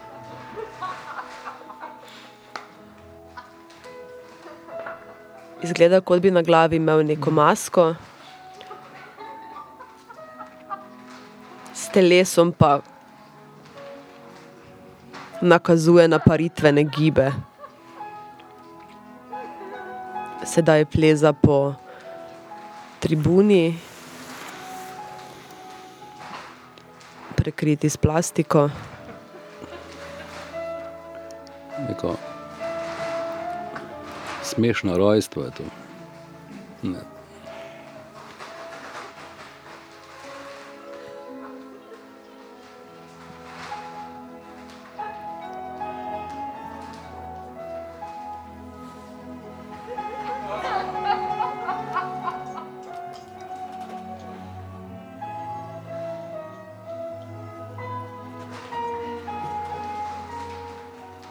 Kar nekaj plastike, ne? Ja. Ja, če se ne motim, je vsa tribuna z izjemo tukaj ene vrste prekrita s plastiko.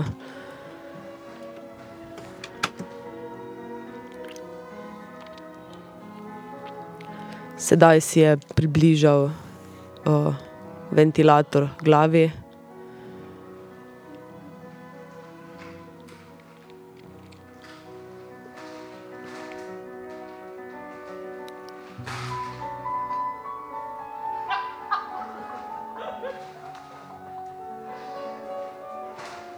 Ventilator je dvignil in zdaj stoji med temi plastičnimi pokritimi stoli, tribuno.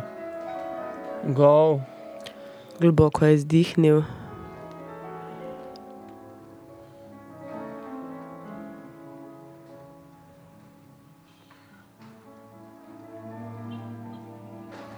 Pomahal ventilatorju slovo in se skozi vrste prebija nazaj proti prehodu.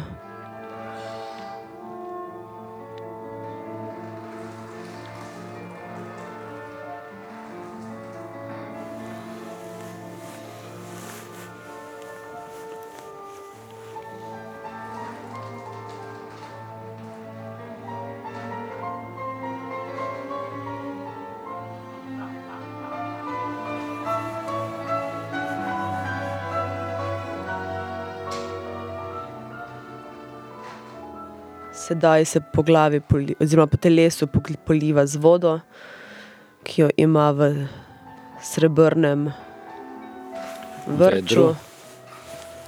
In asociacija me poveže z plastiko in vodo v zadnjem dejanju v imenu matere. Ja, točno.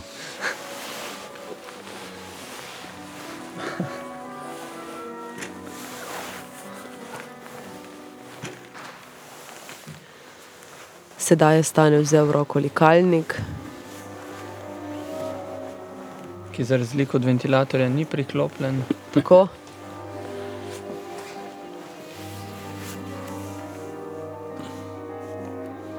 Plastika in bela tehnika. Na poti iz votline. Ker se, sveč, ker še svečke. To je to, kar gorijo. je Platonovi votlini manjkalo v smislu, ne plastika. Ja. In bela tehnika. Tako. Ker elektrika je bila.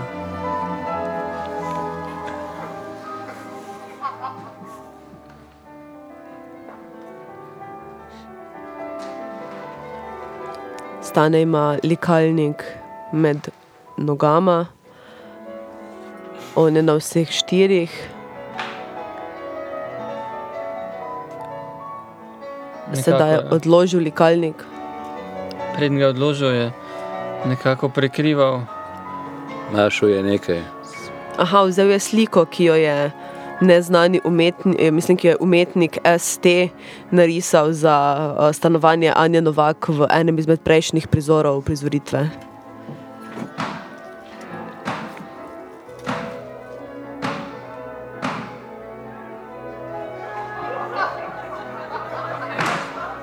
Se pravi, če je z likalnikom prekrival svoj moški spolni organ in ritno luknjo, mi pa slika, ki sem jo zdaj prvič videl, deluje kot neka vagina in tudi Tako. on se zdaj z njo podobno ukvarja. Najprej jo je lizal, zdaj pa je začel z platnom nabijati v svojo glavo. In sedaj, ko malo bolj pomislim, ima v bistvu tudi likalnik podobno obliko. Tako. Stane sedaj z roko prebija sliko, ni mu je uspelo prebiti, jo pa je zvil.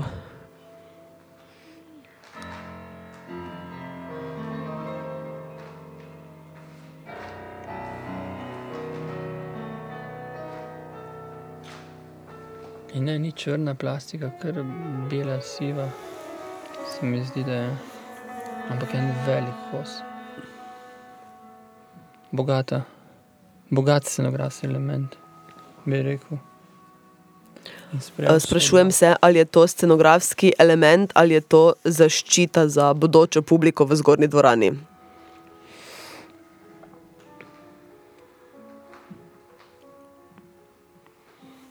mogoče scenografski element, ki je zaščita za zgornjo. Mogoče. Tako bo, ja. Stane sedaj v roki drži puščico, s katero se zabada, počasi, zabodel se je in Stilizirana puščica kot uh, grafit, kot uh, strip ali kaj. Ne? Da.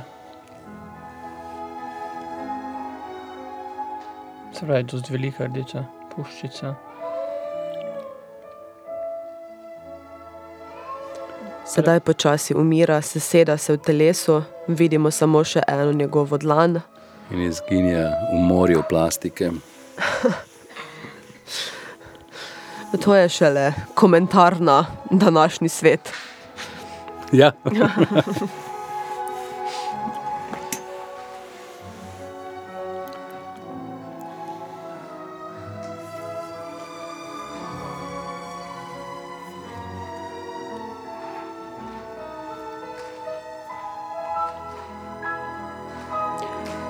Slišimo zvoke, podobne zavijanju luno.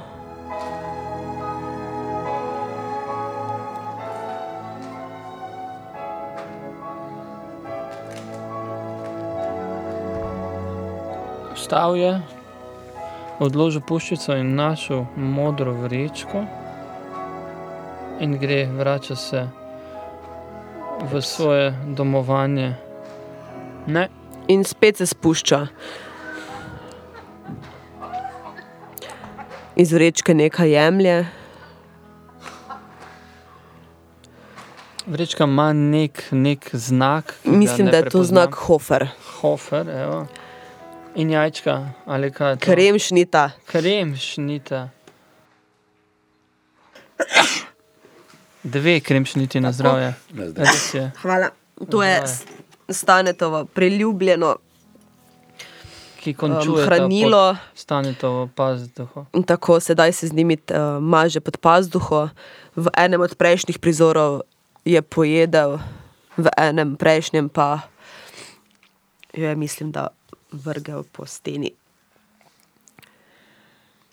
Oziroma, ne, tisto je bila torta.